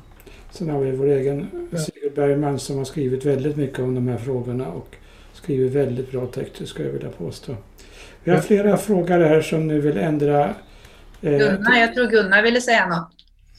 Ja, får jag kommentera bara det Johanna sa först innan vi går vidare till nästa ämne som det här med om, om eh, alltså att det är oetiskt att vi utsätter barnen som inte själva har valt. Men, men sen sa du att eh, du, tyckte att alla barn ska vaccineras och att det är föräldrarna som ska välja. Och nu tänker jag sticka ut hakan lite grann och säga att eh, jag tycker inte att det är så självklart att föräldrar ska få välja och säga att barn inte vaccineras. Det här gäller ju inte bara covidvaccin utan det gäller ju alla möjliga andra vaccin också där en del föräldrar tror att de vet bättre och, och, och undantar då barnen från vaccin. Och som både drabbar de barnen men eftersom det också sker en smittspridning i förskolor och på, i skolor så, så drabbar det faktiskt också andra. Det, det, finns ju en del också europeiska länder där man faktiskt har obligatoriska vaccin. Och man får inte gå i en allmän skola om man inte är vaccinerad och sådana där saker. Jag tycker att jag vet inte säkert vad jag tycker om vi ska ha det men jag tycker definitivt att man borde ha en sån debatt lite mer seriöst. Är det verkligen föräldrarna som äger barnen eller har vi i samhället någon sorts skyldighet att försöka skydda dem enligt bästa vetenskap? Ska vi fråga Anders först Jan. Anders kan du berätta lite om de senaste två mässlingsutbrotten och bakgrunden till dem? Ja, om jag kände till dem skulle jag gärna göra det. Men eh, ja, vi hade väl i, ehm, vad heter det, hjärna, ytterhjärna, eh, antroposoferna. Eh, som, ja, jag ska inte värdebelägga, kommer några värdeomdömen om dem, men Alltså rent, rent, rent, tekniskt, vad är det som händer när... Ja, hur, jag, hur, hur, stor, hur stor andel bör man inte vaccinera? Här, så att jag får vara lite försiktig också. Men Eh, Eh, de, de vill inte att deras barn ska vaccineras med mässling och eh, då är det klart att eh, de blir infekterade med mässling. Och vi, vi får ju importfall av, av olika typer av, av infektioner. Eh, annars är ju eh, i stort sett 100% av alla svenska barn vaccinerade med mässling. De får ju det här trippelvaccinet, det nya trippel, eh, påssjuka, röda hund och, och mässling. Så ehm, ja, vad ska man säga? Jag, eh, det här är ju väl, väl, jag menar, de här vaccinerna har funnits i 30 år, om inte mer. Jag känner dessutom eh, mannen som har gjort de flesta, Morris Hillman, han är tyvärr avliden. Men, men, men tycker du rätt att föräldrar kan undanta sina barn från vaccin? Ja, ja. som virolog så tycker jag det är fel. Va? Men ja, det är en svår fråga tycker jag. Är, ehm, och i all synnerhet när det gäller ett, ett nytt vaccin som det här så, så eh, om jag själv vore väldigt emot det och jag hade ett litet barn och, och eh, detta är ju lite grann ungefär som vi har skolplikt. Va? Eh, och tillhör en riskgrupp och sen så skickar är tvungen att skicka iväg sitt barn till, till, till skolan och utsätta sig själv för det här. Det, alltså det, det är svåra etiska spörsmål det här tycker jag. jag Ja, jag kan inte svara ja eller nej på det. Det är svåra. Eh, innan, Jana, innan du börjar prata vill jag ge dig Johanna en boll där. Som du kan fundera på när Jan pratar. Och det kommer ifrån eh, en förskollärare orolig. Och eh, som vill att, som tycker att man har, liksom har, har gjort sig till tolk för, alltså från myndigheters sida för barnen. Ibland så, så tycker man att barnen... Eh, ja, jag förstår inte riktigt frågan men, men ibland har man liksom brytt sig om barnens perspektiv åt ena hållet, och ibland åt andra hållet. Och, eh, eh, eh, och du kanske också vill kommentera just det här, eh, eh, eh alltså barns skuld eh, när, när någon blir, blir sjuk så att säga. Eh, tänk lite när Jan pratar. Ja, jag vill ju eh, nämna det här med eh, den populära termen flockimmunitet. Som vi ju eh, driver med alla möjliga vaccin, till exempel mässlingvaccinet, och har lyckats uppnå en flockimmunitet. Problemet när vi inte har flockimmunitet är att barn som är vaccinerade men som har ett ineffektivt immunsystem, de är ju inte skyddade som individer. Men de är skyddade om flocken, det vill säga hela gruppen, är skyddad genom 90% vaccinering och så vidare. Så att jag lutar åt det som Gunnar säger, att det är en samhällsplikt faktiskt att eh, vaccinera sina barn för säkra, självklart säkra vaccin som, som är, är godkända. Men eh, det finns fler aspekter än den egna individens rättigheter och sådana saker. Så att, mm, det är min åsikt. Johanna? Ja, jag håller på att läsa förskollärarens fråga här. Um, det var inte rätt, jag förstår inte riktigt frågan. Men, man, får, man får ibland koncentrera dem till en ja. Specifik men, fråga. Men, men jag tänker att just det här med hur vi har haft med, med barn och i skolor och i förskolor. Um, det finns ju väldigt många dimensioner av detta. Eh, men en som vi inte har pratat om det är ju det här att vi vet ju om nu att barn smittar och eh, många vuxna kan ju isolera sig. De har arbeten som de kan ha hemifrån. Och då är ju barnen medvetna om att de är de enda som har en eh, interaktion med andra människor. Och om de då tar hem smittan och någon får långtidscovid vilket inte alls är ovanligt. Eh, eller om någon får eh, till och med gå bort, så är det ju en fruktansvärd situation för barnet, för barnen är ju inte dumma. De ser ju vad som har hänt. Och allt det här snacket om att det är viktigt för barnen att gå i skolan. Ja, det är det ju. Men det är också viktigt för barnen att ha en förälder. Och det är väldigt viktigt för barnen att känna att de kan ta hand om dem som de älskar. Jag tycker faktiskt att vi ska ha eh, alltid en eh, möjlighet att ha digital undervisning för de som behöver det. Eh, de har visat i England att eh, eh Spridningen har faktiskt minskat för att de barnen som behöver ett annat tempo har mått bra av distansundervisning. Eh, till exempel sådana barn som kanske vill jobba tre timmar med samma fråga innan de går vidare till nästa fråga har ju kunnat eh, reglera sina skoldagar själva på ett bättre sätt när de lär sig hemifrån än vad de har gjort eh, kanske i skolan. Alla är ju inte likadana. Och i reflektionen i den artikeln jag läste där, det var ju att kanske distansundervisningen kommer att fortsätta även efter pandemin för att det finns barn som faktiskt presterar bättre och mår bättre av att ha distansundervisning. Eller kanske kommer det finnas sån här hybrid, att man går i skolan ett visst antal dagar i veckan för att träffa barn och ha kul med dem, men också att man lär sig hemma ett par dagar i veckan för att det är det bästa sättet man kan lära sig på. Men det är lite förenklat att säga att barn ska gå i skolan, och barn, eller hur? Sen det, det är under vilka förutsättningar, hur stor smittspridningen är och hur ventilationen är, om man använder munskydd och så vidare. Jag tänkte vi skulle ta lite grann om politik då. Men vi, vi ska komma ihåg att vi är vetenskapspersoner och vi kan egentligen ingenting om etik eller politik. Eh, det enda vi kan göra, eh, som vi är riktigt bra på, det är att läsa vetenskapliga artiklar och ange vad som är sant och vad som inte är sant. Eh, vilken grad av evidens som finns för olika saker. Men jag tycker ändå vi kan ta en runda här när vi ändå har fått frågan. KU har kritiserat enhälligt regeringen på sex punkter idag. Det var en stor nyhet.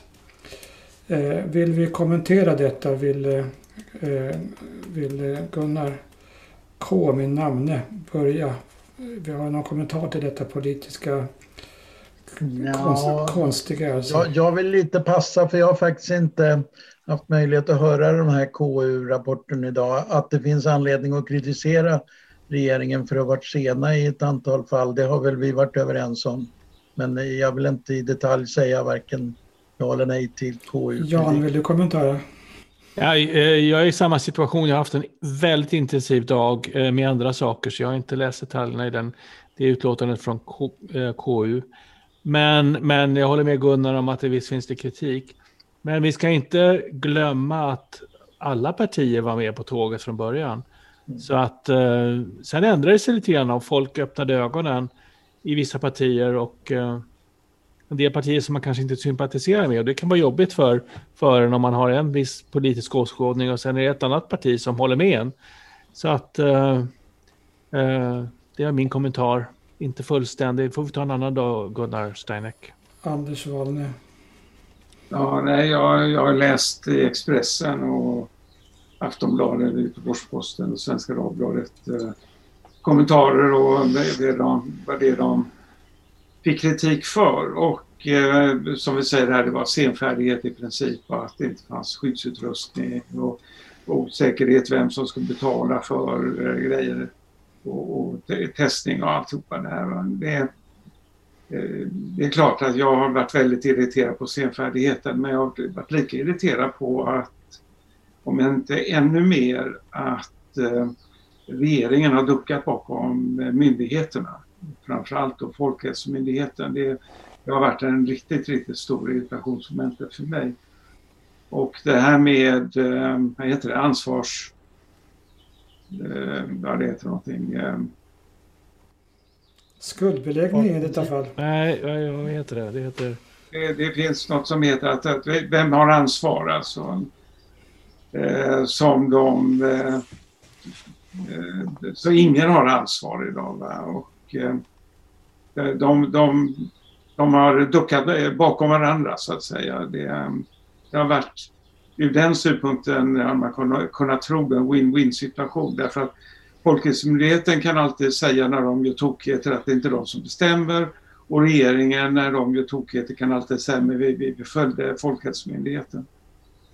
Eh, så ingen, det är ingens fel och det där har varit väldigt irriterande. Johanna, har du kommentarer till KUs? Nej, jag, jag, har inte heller hunnit läsa. Det har varit så mycket runt det här med artikeln idag. Så att jag, men jag kan ju bara instämma i att jag, jag känner ju också att eh, jag har läst rubrikerna och visst har de varit senfärdiga. Heter det ansvarighetsprincipen? Ja, just det. det tack. Ja, jag har heller ingen kommentar. Jag tycker att eh, det jag kan är vetenskap. Jag har väldigt svårt att förstå de här politiska spelen och mm. vad som pågår. Och... Jag, jag skrev en tweet häromdagen och när, när ansvarsprincipen eh, krossar ungefär. Ja, vi går tillbaka till det, eh, det vi kan någonting om då. Och eh, Mikaela Johansson frågar då eh, vill att vi ska göra en prediktion, se in i framtiden här och, och eh, ställer frågan, är det möjligt att eh, smittspridningen... Ansvarsprincipen heter det, ansvarsprincipen, förlåt. Är det möjligt att smittspridningen upphör bland barn, eh, och det som kallas flock, flockimmunitet, om de inte vaccinerar, om vi inte vaccinerar barnen som är 12 till 19 år? Och jag vill att Johanna kommenterar först och sen eh, Anders. Mm, jag vet ju inte riktigt vart vi kommer uppnå flockimmunitet med covid-19 så jag, därför jag säger att jag jag passar på den, jag vet inte. Men du vill att alla barn ska vaccineras med det vi har? Jag vill att vi ska erbjuda alla familjer i Sverige vaccin, eh, barn också. Eh, och jag kommer att vaccinera mina barn så fort vi får. Och jag ska inte ta om det vi redan har sagt. Eh, Anders, vi ska inte repetera det vi har sagt men vi har fått frågan igen här och, och eh, tillsammans med den här vietnamesiska varianten då eh, vad är dina prognoser här så att säga vid olika vaccinationsscenarier för barn?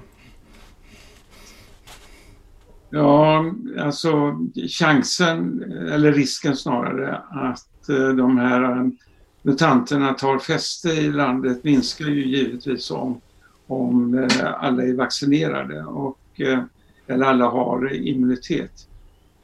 Och jag tror att det krävs att barnen har lika hög immunitet som vuxna för att vi ska nå flockimmunitet. Och var den ligger någonstans, det, det vet vi inte Det, Eh, men jag, jag, jag förordar faktiskt att med de här, alltså det här Pfizer-vaccinet är ju eh, väldigt, väldigt rent. Det, det är i princip bara ett enda äggviteämne som man får i sig. Eh, jämfört med de vacciner vi haft tidigare så så eh, är ju risken mycket, mycket lägre. Skulle jag vilja påstå. Jag fick min spruta igår, eh, andra spruta igår vid tretiden. Jag sitter här och undrar om jag fick placebo. Alltså, om det är någon, ja. Under Folkhälsomyndigheten har satt igång någon skum studie för att jag ingår en placeboarm. Alltså, jag känner ingenting. Knappt. Och det, men jag vet att andra har fått biverkningar. Ja, ta ett antikroppstest sen. Ja, jag får göra det. Mm. Nej, men så är det ju. Och, eh, eh, om vi säger så här då. Eh, finns det någonting i dina data Johanna som säger att barn skulle vara mindre smittsamma än, än vuxna? Att det skulle vara mindre allvarligt och att, eh, att, att de skulle vara mindre allvarliga smittspridare än, än vuxna? Mm, det, det, har ju varit lite olika studier på det där. Uh, och jag har faktiskt gjort en YouTube-film om barns smittsamhet. Uh, Indienstudien har ju alltid varit min favorit och där visar de ju att barnen smittade 12,5 procent av uh, kontakterna som de hade. Och jag tror den gruppen som hade högst var 25 procent och det var unga vuxna, så 20-plussarna tror jag. Eh, och men i en annan studie från Sydkorea så var det barnen som smittade mest. Då, eh, ålderskategori 10 till 20 tror jag. Så att det är lite olika i olika studier. En studie som har kommit ganska nyligen som jag tyckte var intressant var från Norge. Där de kollade på smittsamheten hos barnen i en familj. Och det där är ju väldigt intressant för att det var väl bara i början på maj som uh, Tegnell stod på en presskonferens och sa att barnen kanske smittar varandra men de tar inte hem det och ger det till sina familjer. Uh, och det är helt inkorrekt. Um, vi har i den här norska studien, vad de gjorde där, det var, vad jag gillade med den, det var att de hade kollat på antikroppspositivitet eh, och inte PCR. För PCR missar ganska många. Om man tar PCR-provet vid fel tid under infektionen så kan det bli negativt fast det egentligen är positivt. Så, så, så eh, de kollar på antikroppar och då visade de att barn 0 till 6 år smittade inom familjen lika mycket som vuxna. Och det trodde de kanske att var, berodde på att barn 0 till 6 år kan man ju liksom inte riktigt hålla avstånd med. Och de förstår ju inte att de har en smittsam sjukdom så att de ska hålla avstånd. Så att, eh, sen var det barnen, eh, lite äldre barnen smittade något mindre, men de smittar ju också och det är inte sådär eh, en megaskillnad mellan hur mycket barn smittar i sin familj som mot vad vuxna smittar inom sin familj. Sen så är det ju inte eh, en jättesmittsam sjukdom som vi har pratat om, så det ligger runt, jag tror det var, nej jag ska inte säga en siffra, jag kommer inte ihåg siffran, men, eh, men det är men inte alla som smittar. Men en, varje sån här siffra känns ju som att den blir snabbt, eller långsamt blir outdated, gammal. Därför att varje ny, alltså det är ju det är mutationer hela tiden även om man liksom kan urskilja sydafrikanska, brasilianska och sådär. Men det är hela tiden mutationer och det här vet Anders Wahlne allt om. Eh, Samma fråga till dig. Finns det någon anledning att tro att vända på det? Att barn ska vara mindre smittsamma än vuxna? Nej, igen, eh, eh, jag anser inte att de, det finns någon anledning att tro det. Snarare tvärtom. Vad man har sett och så jag har många gånger sagt det här, men redan i februari förra året så kom en artikel om en familj, eller två vuxna med ett barn, ett spädbarn, som blev inlagda därför att både mamman och pappan eh, fick covid och svåra blev eh, tvungna att läggas in på sjukhus. Och då fick de ta med sig spädbarnet och spädbarnet togs hand där och man tog prov på det varje dag. Och spädbarnet eh, det utsöndrade mycket, mycket mer virus än vad både mamman och pappan gjorde under hela den här tiden. Nu blev inte spädbarnet sjukt. Men eh, det visar ju att det kunde utsöndra väldigt mycket virus. Vi vet att spädbarn skriker.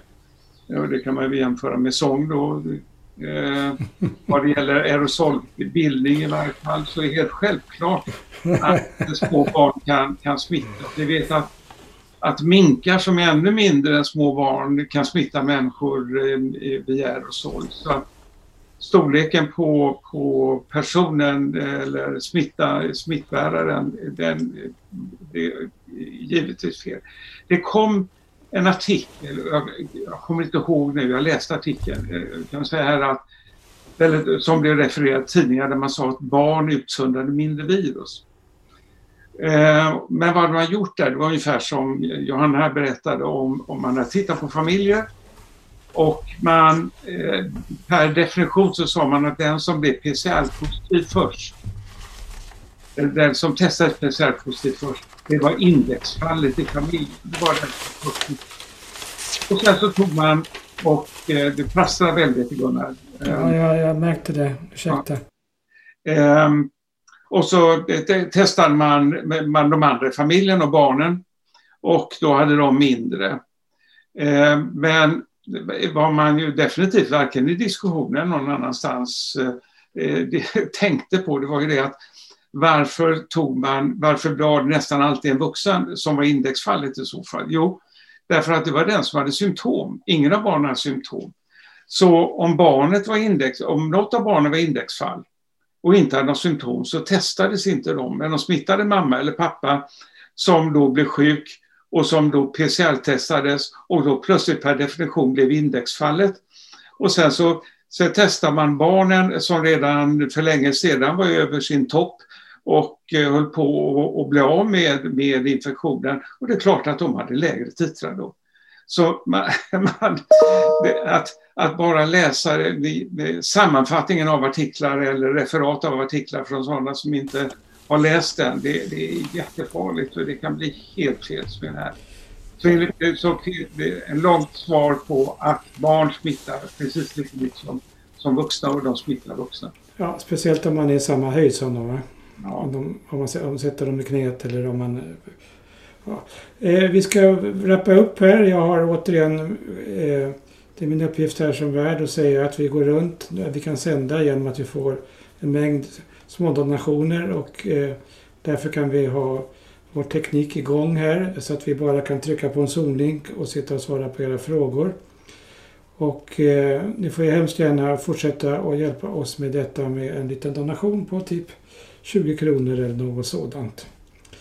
Eh, jag tycker vi ska börja runda av. Eh, och, men vi, Sina skriver så här, Sina Söderberg. Eh, snälla förklara hur man kan tänka nu när man snart är fullvaccinerad.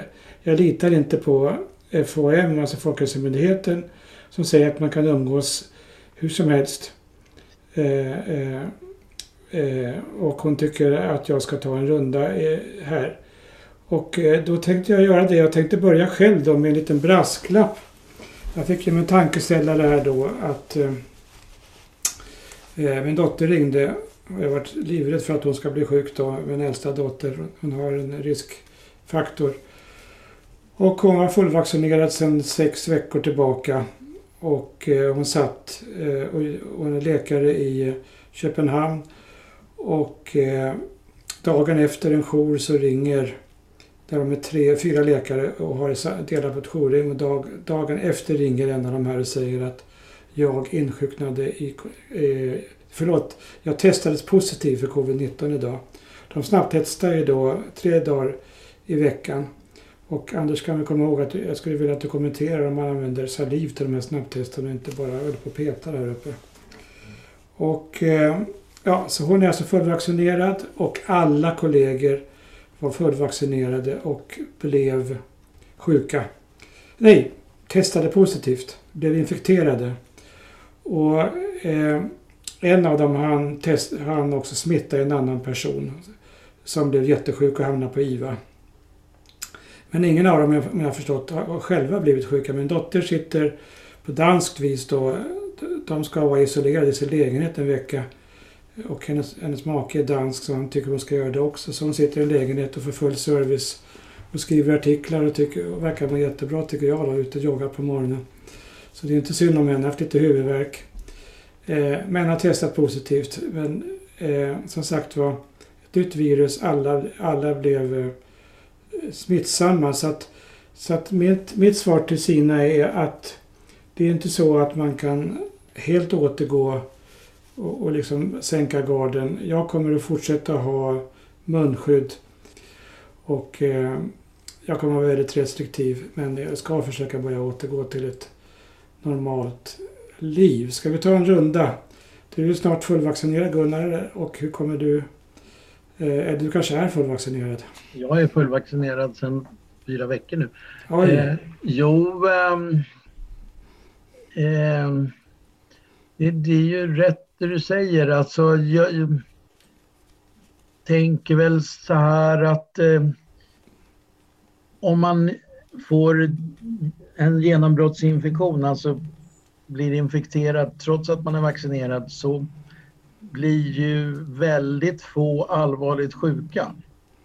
Eh, försvinnande få.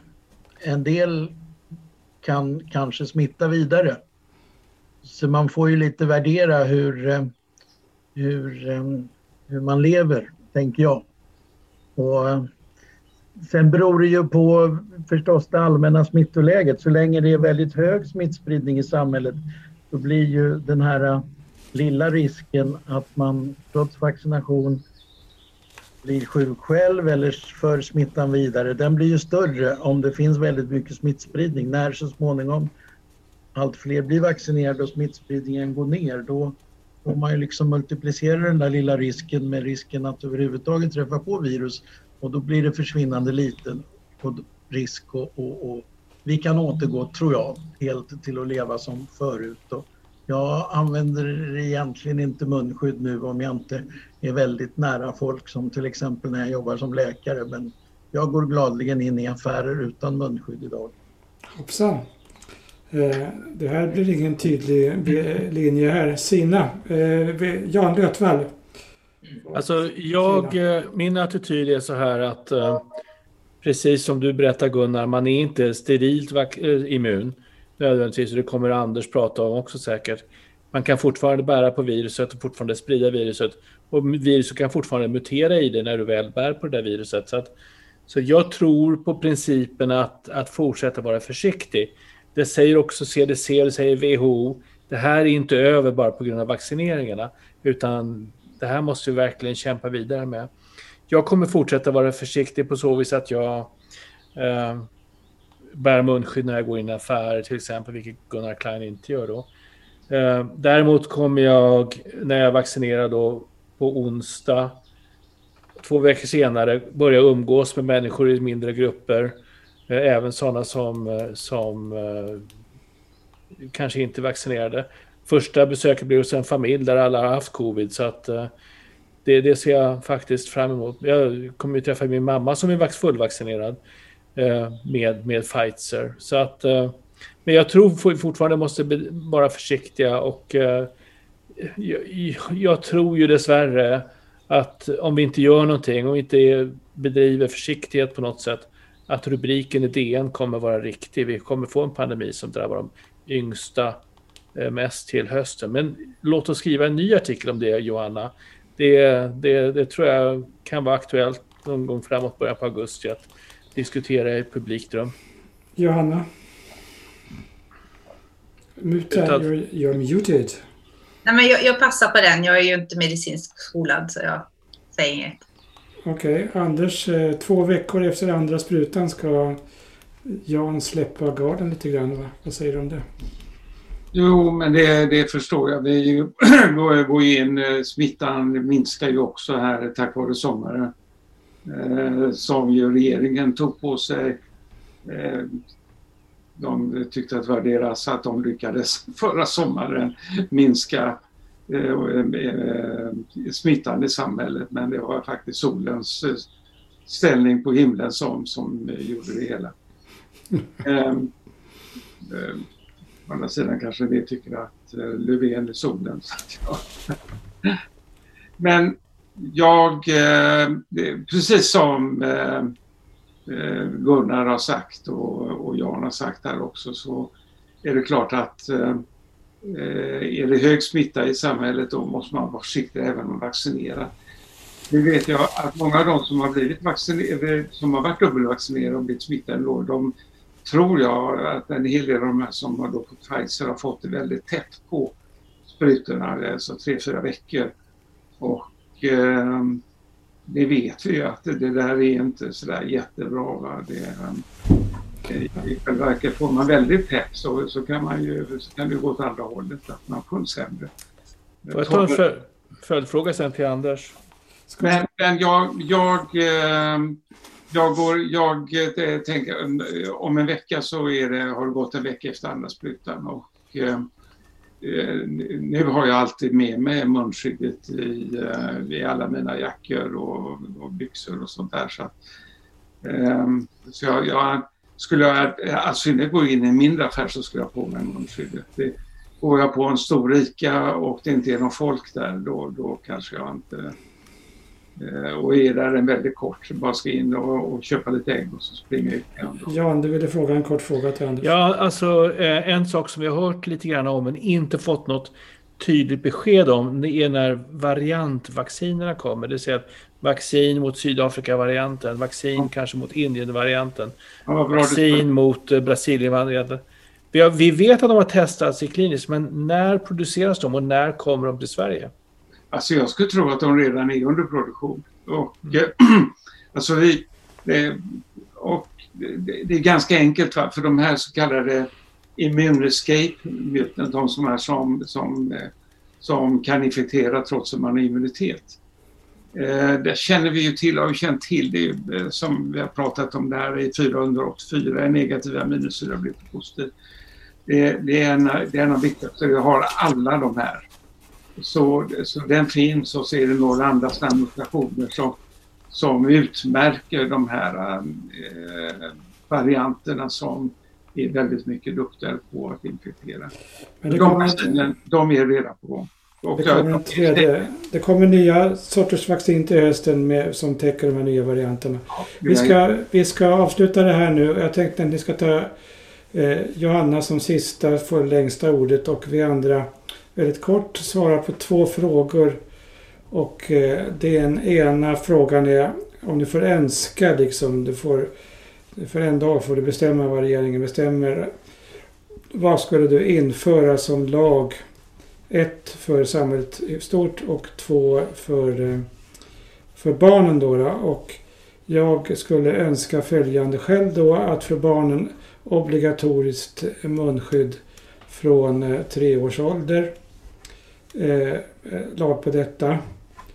Och eh, i samhället så skulle jag vilja att eh, regeringen tillsätter en eh, eh öppna upp samordnare som står utanför Folkhälsomyndigheten så att makten försvinner därifrån.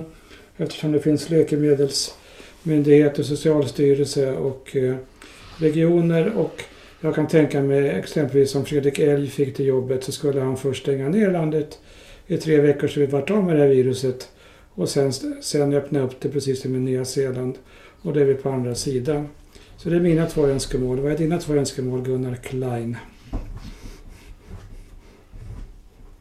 Ja, svår fråga men det, det första i allmänt så skulle jag nog eh, vilja att man förutom den där nedstängningen då, ha, ha, eh, att återinföra en tuffare smittspårning. Som ju länder har som har lyckats väl. Och barnen, har du något önskemål där? så tycker jag väl att eh, det här kravet, eller det ena är ju faktiskt vaccination, ja, för alla som är över 12 år tills vidare. Jan? samhälle, barn? Ja, eh, det första eh, om, om jag var regeringschef är att tillsätta en, eh, en, en, råds, en oberoende rådsgrupp, vetenskapligt baserad rådsgrupp som kan, som kan informera och eh, rådgöra med, med, med, med regeringen baserat på vetenskap. Jag tycker vi har haft alldeles för mycket ovetenskapliga beslut som har tagits eh, i, i vår samhällsstyrning. Vad det gäller barnen så är det självklart det här med vaccinationer är det, är det viktigaste. Men eh, jag håller med om att, att i alla andra länder, inklusive USA, kan barn ha munskydd på sig från någonstans 3-4 års ålder. Eh, det finns ingen anledning att inte kräva det i skolan. De kan till och med tycka det är skoj om de får designa dem själva eller göra något lite roligt med dem. Så att eh, det tycker jag är, är viktigt. Anders Wallner? Ja, nej, om jag börjar med barnen då så håller jag med om det här med munskydd. Och eh, vi får det erkänt att det där är en luftburen smitta. Men vad det gäller samhället då, det första jag skulle göra om jag vore eh, i regeringsställning det var att avskaffa Folkhälsomyndigheten och återinföra Smittskyddsinstitutet. Därför att det, det, det här är en anomali att här ska sitta en generaldirektör och göra avvägningar mellan om man ska låta smittan gå genom samhället, vad det kan, eh, eller och om man inte gör det, om, det, om man får psykiska problem och folk tar livet av sig istället och alla möjliga sådana saker som, som ju eh, blir fullständigt bisarrt. Så återigen, detta Smittskyddsinstitutet som har sin eh, uppgift att tala om hur, hur det smittar så att man kan få ordentlig smittspårning. Alltihopa det plus återinföra, vilket man hade tidigare, de här eh, akademiska, de här professorerna på och eh, forskargrupperna på, på Smittskyddsinstitutet. I anslutning till, till Karolinska institutet. Johanna, det här är din stora dag. Du har, du har jobbat sedan i mars med detta. Gratulerar till framgången att du kom in i Sveriges största dagstidning med det. Du har jobbat med i tre månader. Och eh, dagen till ära så får du en önskemål för samhället och du får tre för barnen. Jag, jag, jag har suttit här och tänkt medan alla andra har svarat och jag vet faktiskt inte. Jag håller med om att avskaffa, avskaffa Folkhälsomyndigheten. Eh, skulle nog vara ett av, av mina första steg för landet för att jag tycker att de har spridit missinformation. Eh, jag tycker inte man kan anklaga befolkningen för att vi har haft en stor smittspridning eftersom de inte har fått rätt information om hur man ska skydda sig. Eh, jag skrev en insändare i DN om det faktiskt redan i, jag tror, oktober eller november förra året. Eh, att hade man bara följt WHOs rekommendationer så hade vi ju kommit bra mycket bättre ehm, än vad det har blivit i Sverige nu. Och så när det kommer till barnen så eh, jag skulle tycka det var väldigt skönt om någon sa att vi har förstått det här helt fel. Vi har informerat helt fel. Barn smittar, barn, barn smittas. Barn kan bli allvarligt sjuka. Eh, och det är vårt ansvar att skydda dem. Nu tillsätter vi den här personen som är ansvarig för att trygga skolorna i Sverige alla, alla skolledare måste bara följa rekommendationerna som kommer från den här personen som är vetenskapligt insatt och kan sprida vetenskaplig relevant information om hur vi skyddar barn i Sverige. Jag, jag tror att det behövs verkligen jag, jag, tycker att de har lämnat över ansvaret på ett riktigt fult sätt till människor som inte har någon medicinsk utbildning, som inte kanske har ett intresse av hur ett virus sprids. Rektorer och huvudmän på olika kommuner har fått sitta och, och försöka sätta sig in i sådana här frågor samtidigt som de har haft hur mycket som helst annat att göra. Jag, jag tycker att vi ska ha en ansvarig person eh, som tillsätts för detta.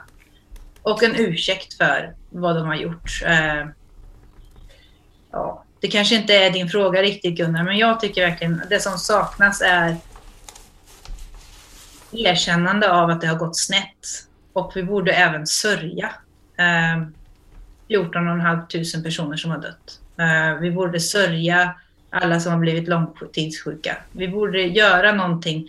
Det är ju, hur många Estonias är det nu som har sjunkit i vårt land om man säger, om man jämför?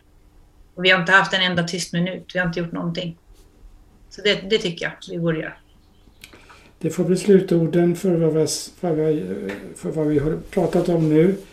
Eh, ni som är stödmedlemmar, vi tackar er för det bidraget och för det stödet. Jag tror vi är väldigt många stödmedlemmar nu. Det ger oss kraft och energi att fortsätta försöka lära oss om det här och försöka sprida den information som vi kan. Ni som ännu inte är stödmedlemmar och har möjlighet att avvara den penningen som det kräver så är vi väldigt tacksamma förstås om ni blir stödmedlemmar. Nästa tisdag planerar Fredrik att eh, några stödmedlemmar ska berätta om varför de är stödmedlemmar och eh, eh varför de har aktiverat oss. Vill du säga någonting mer om det, eh, Fredrik? Söndagen kan jag påminna om också, som kommer handla om eh, Är det över nu? och Eh, Eh, Stefan Einhorn är ordförande för det mötet. Precis, det tar en stund att slå på mikrofonen här alltid, men, eh, men det stämmer. Och det är ju eh, Det är ju också, på tisdag är det ju Gunnar Steineck som då samlar detta gäng med hans hobbyepidemiologer för ett samtal. Så alla är varmt välkomna även söndag och tisdag. Sen har vi spännande grejer framöver men vi, vi börjar med de två hållplatserna. Då ska ni ha en trevlig kväll och ni som har lyssnat så här långt. Stort tack för det. Tack för er uppmärksamhet. Och eh, fortsätt orka. Och tack till Gunnar och Fredrik för att ni lett det här. Ja, tack så mycket. Och än en gång tack Johanna och, och gratulerar till den fina artikeln. Ja, tack alla, alla. Alla har varit med.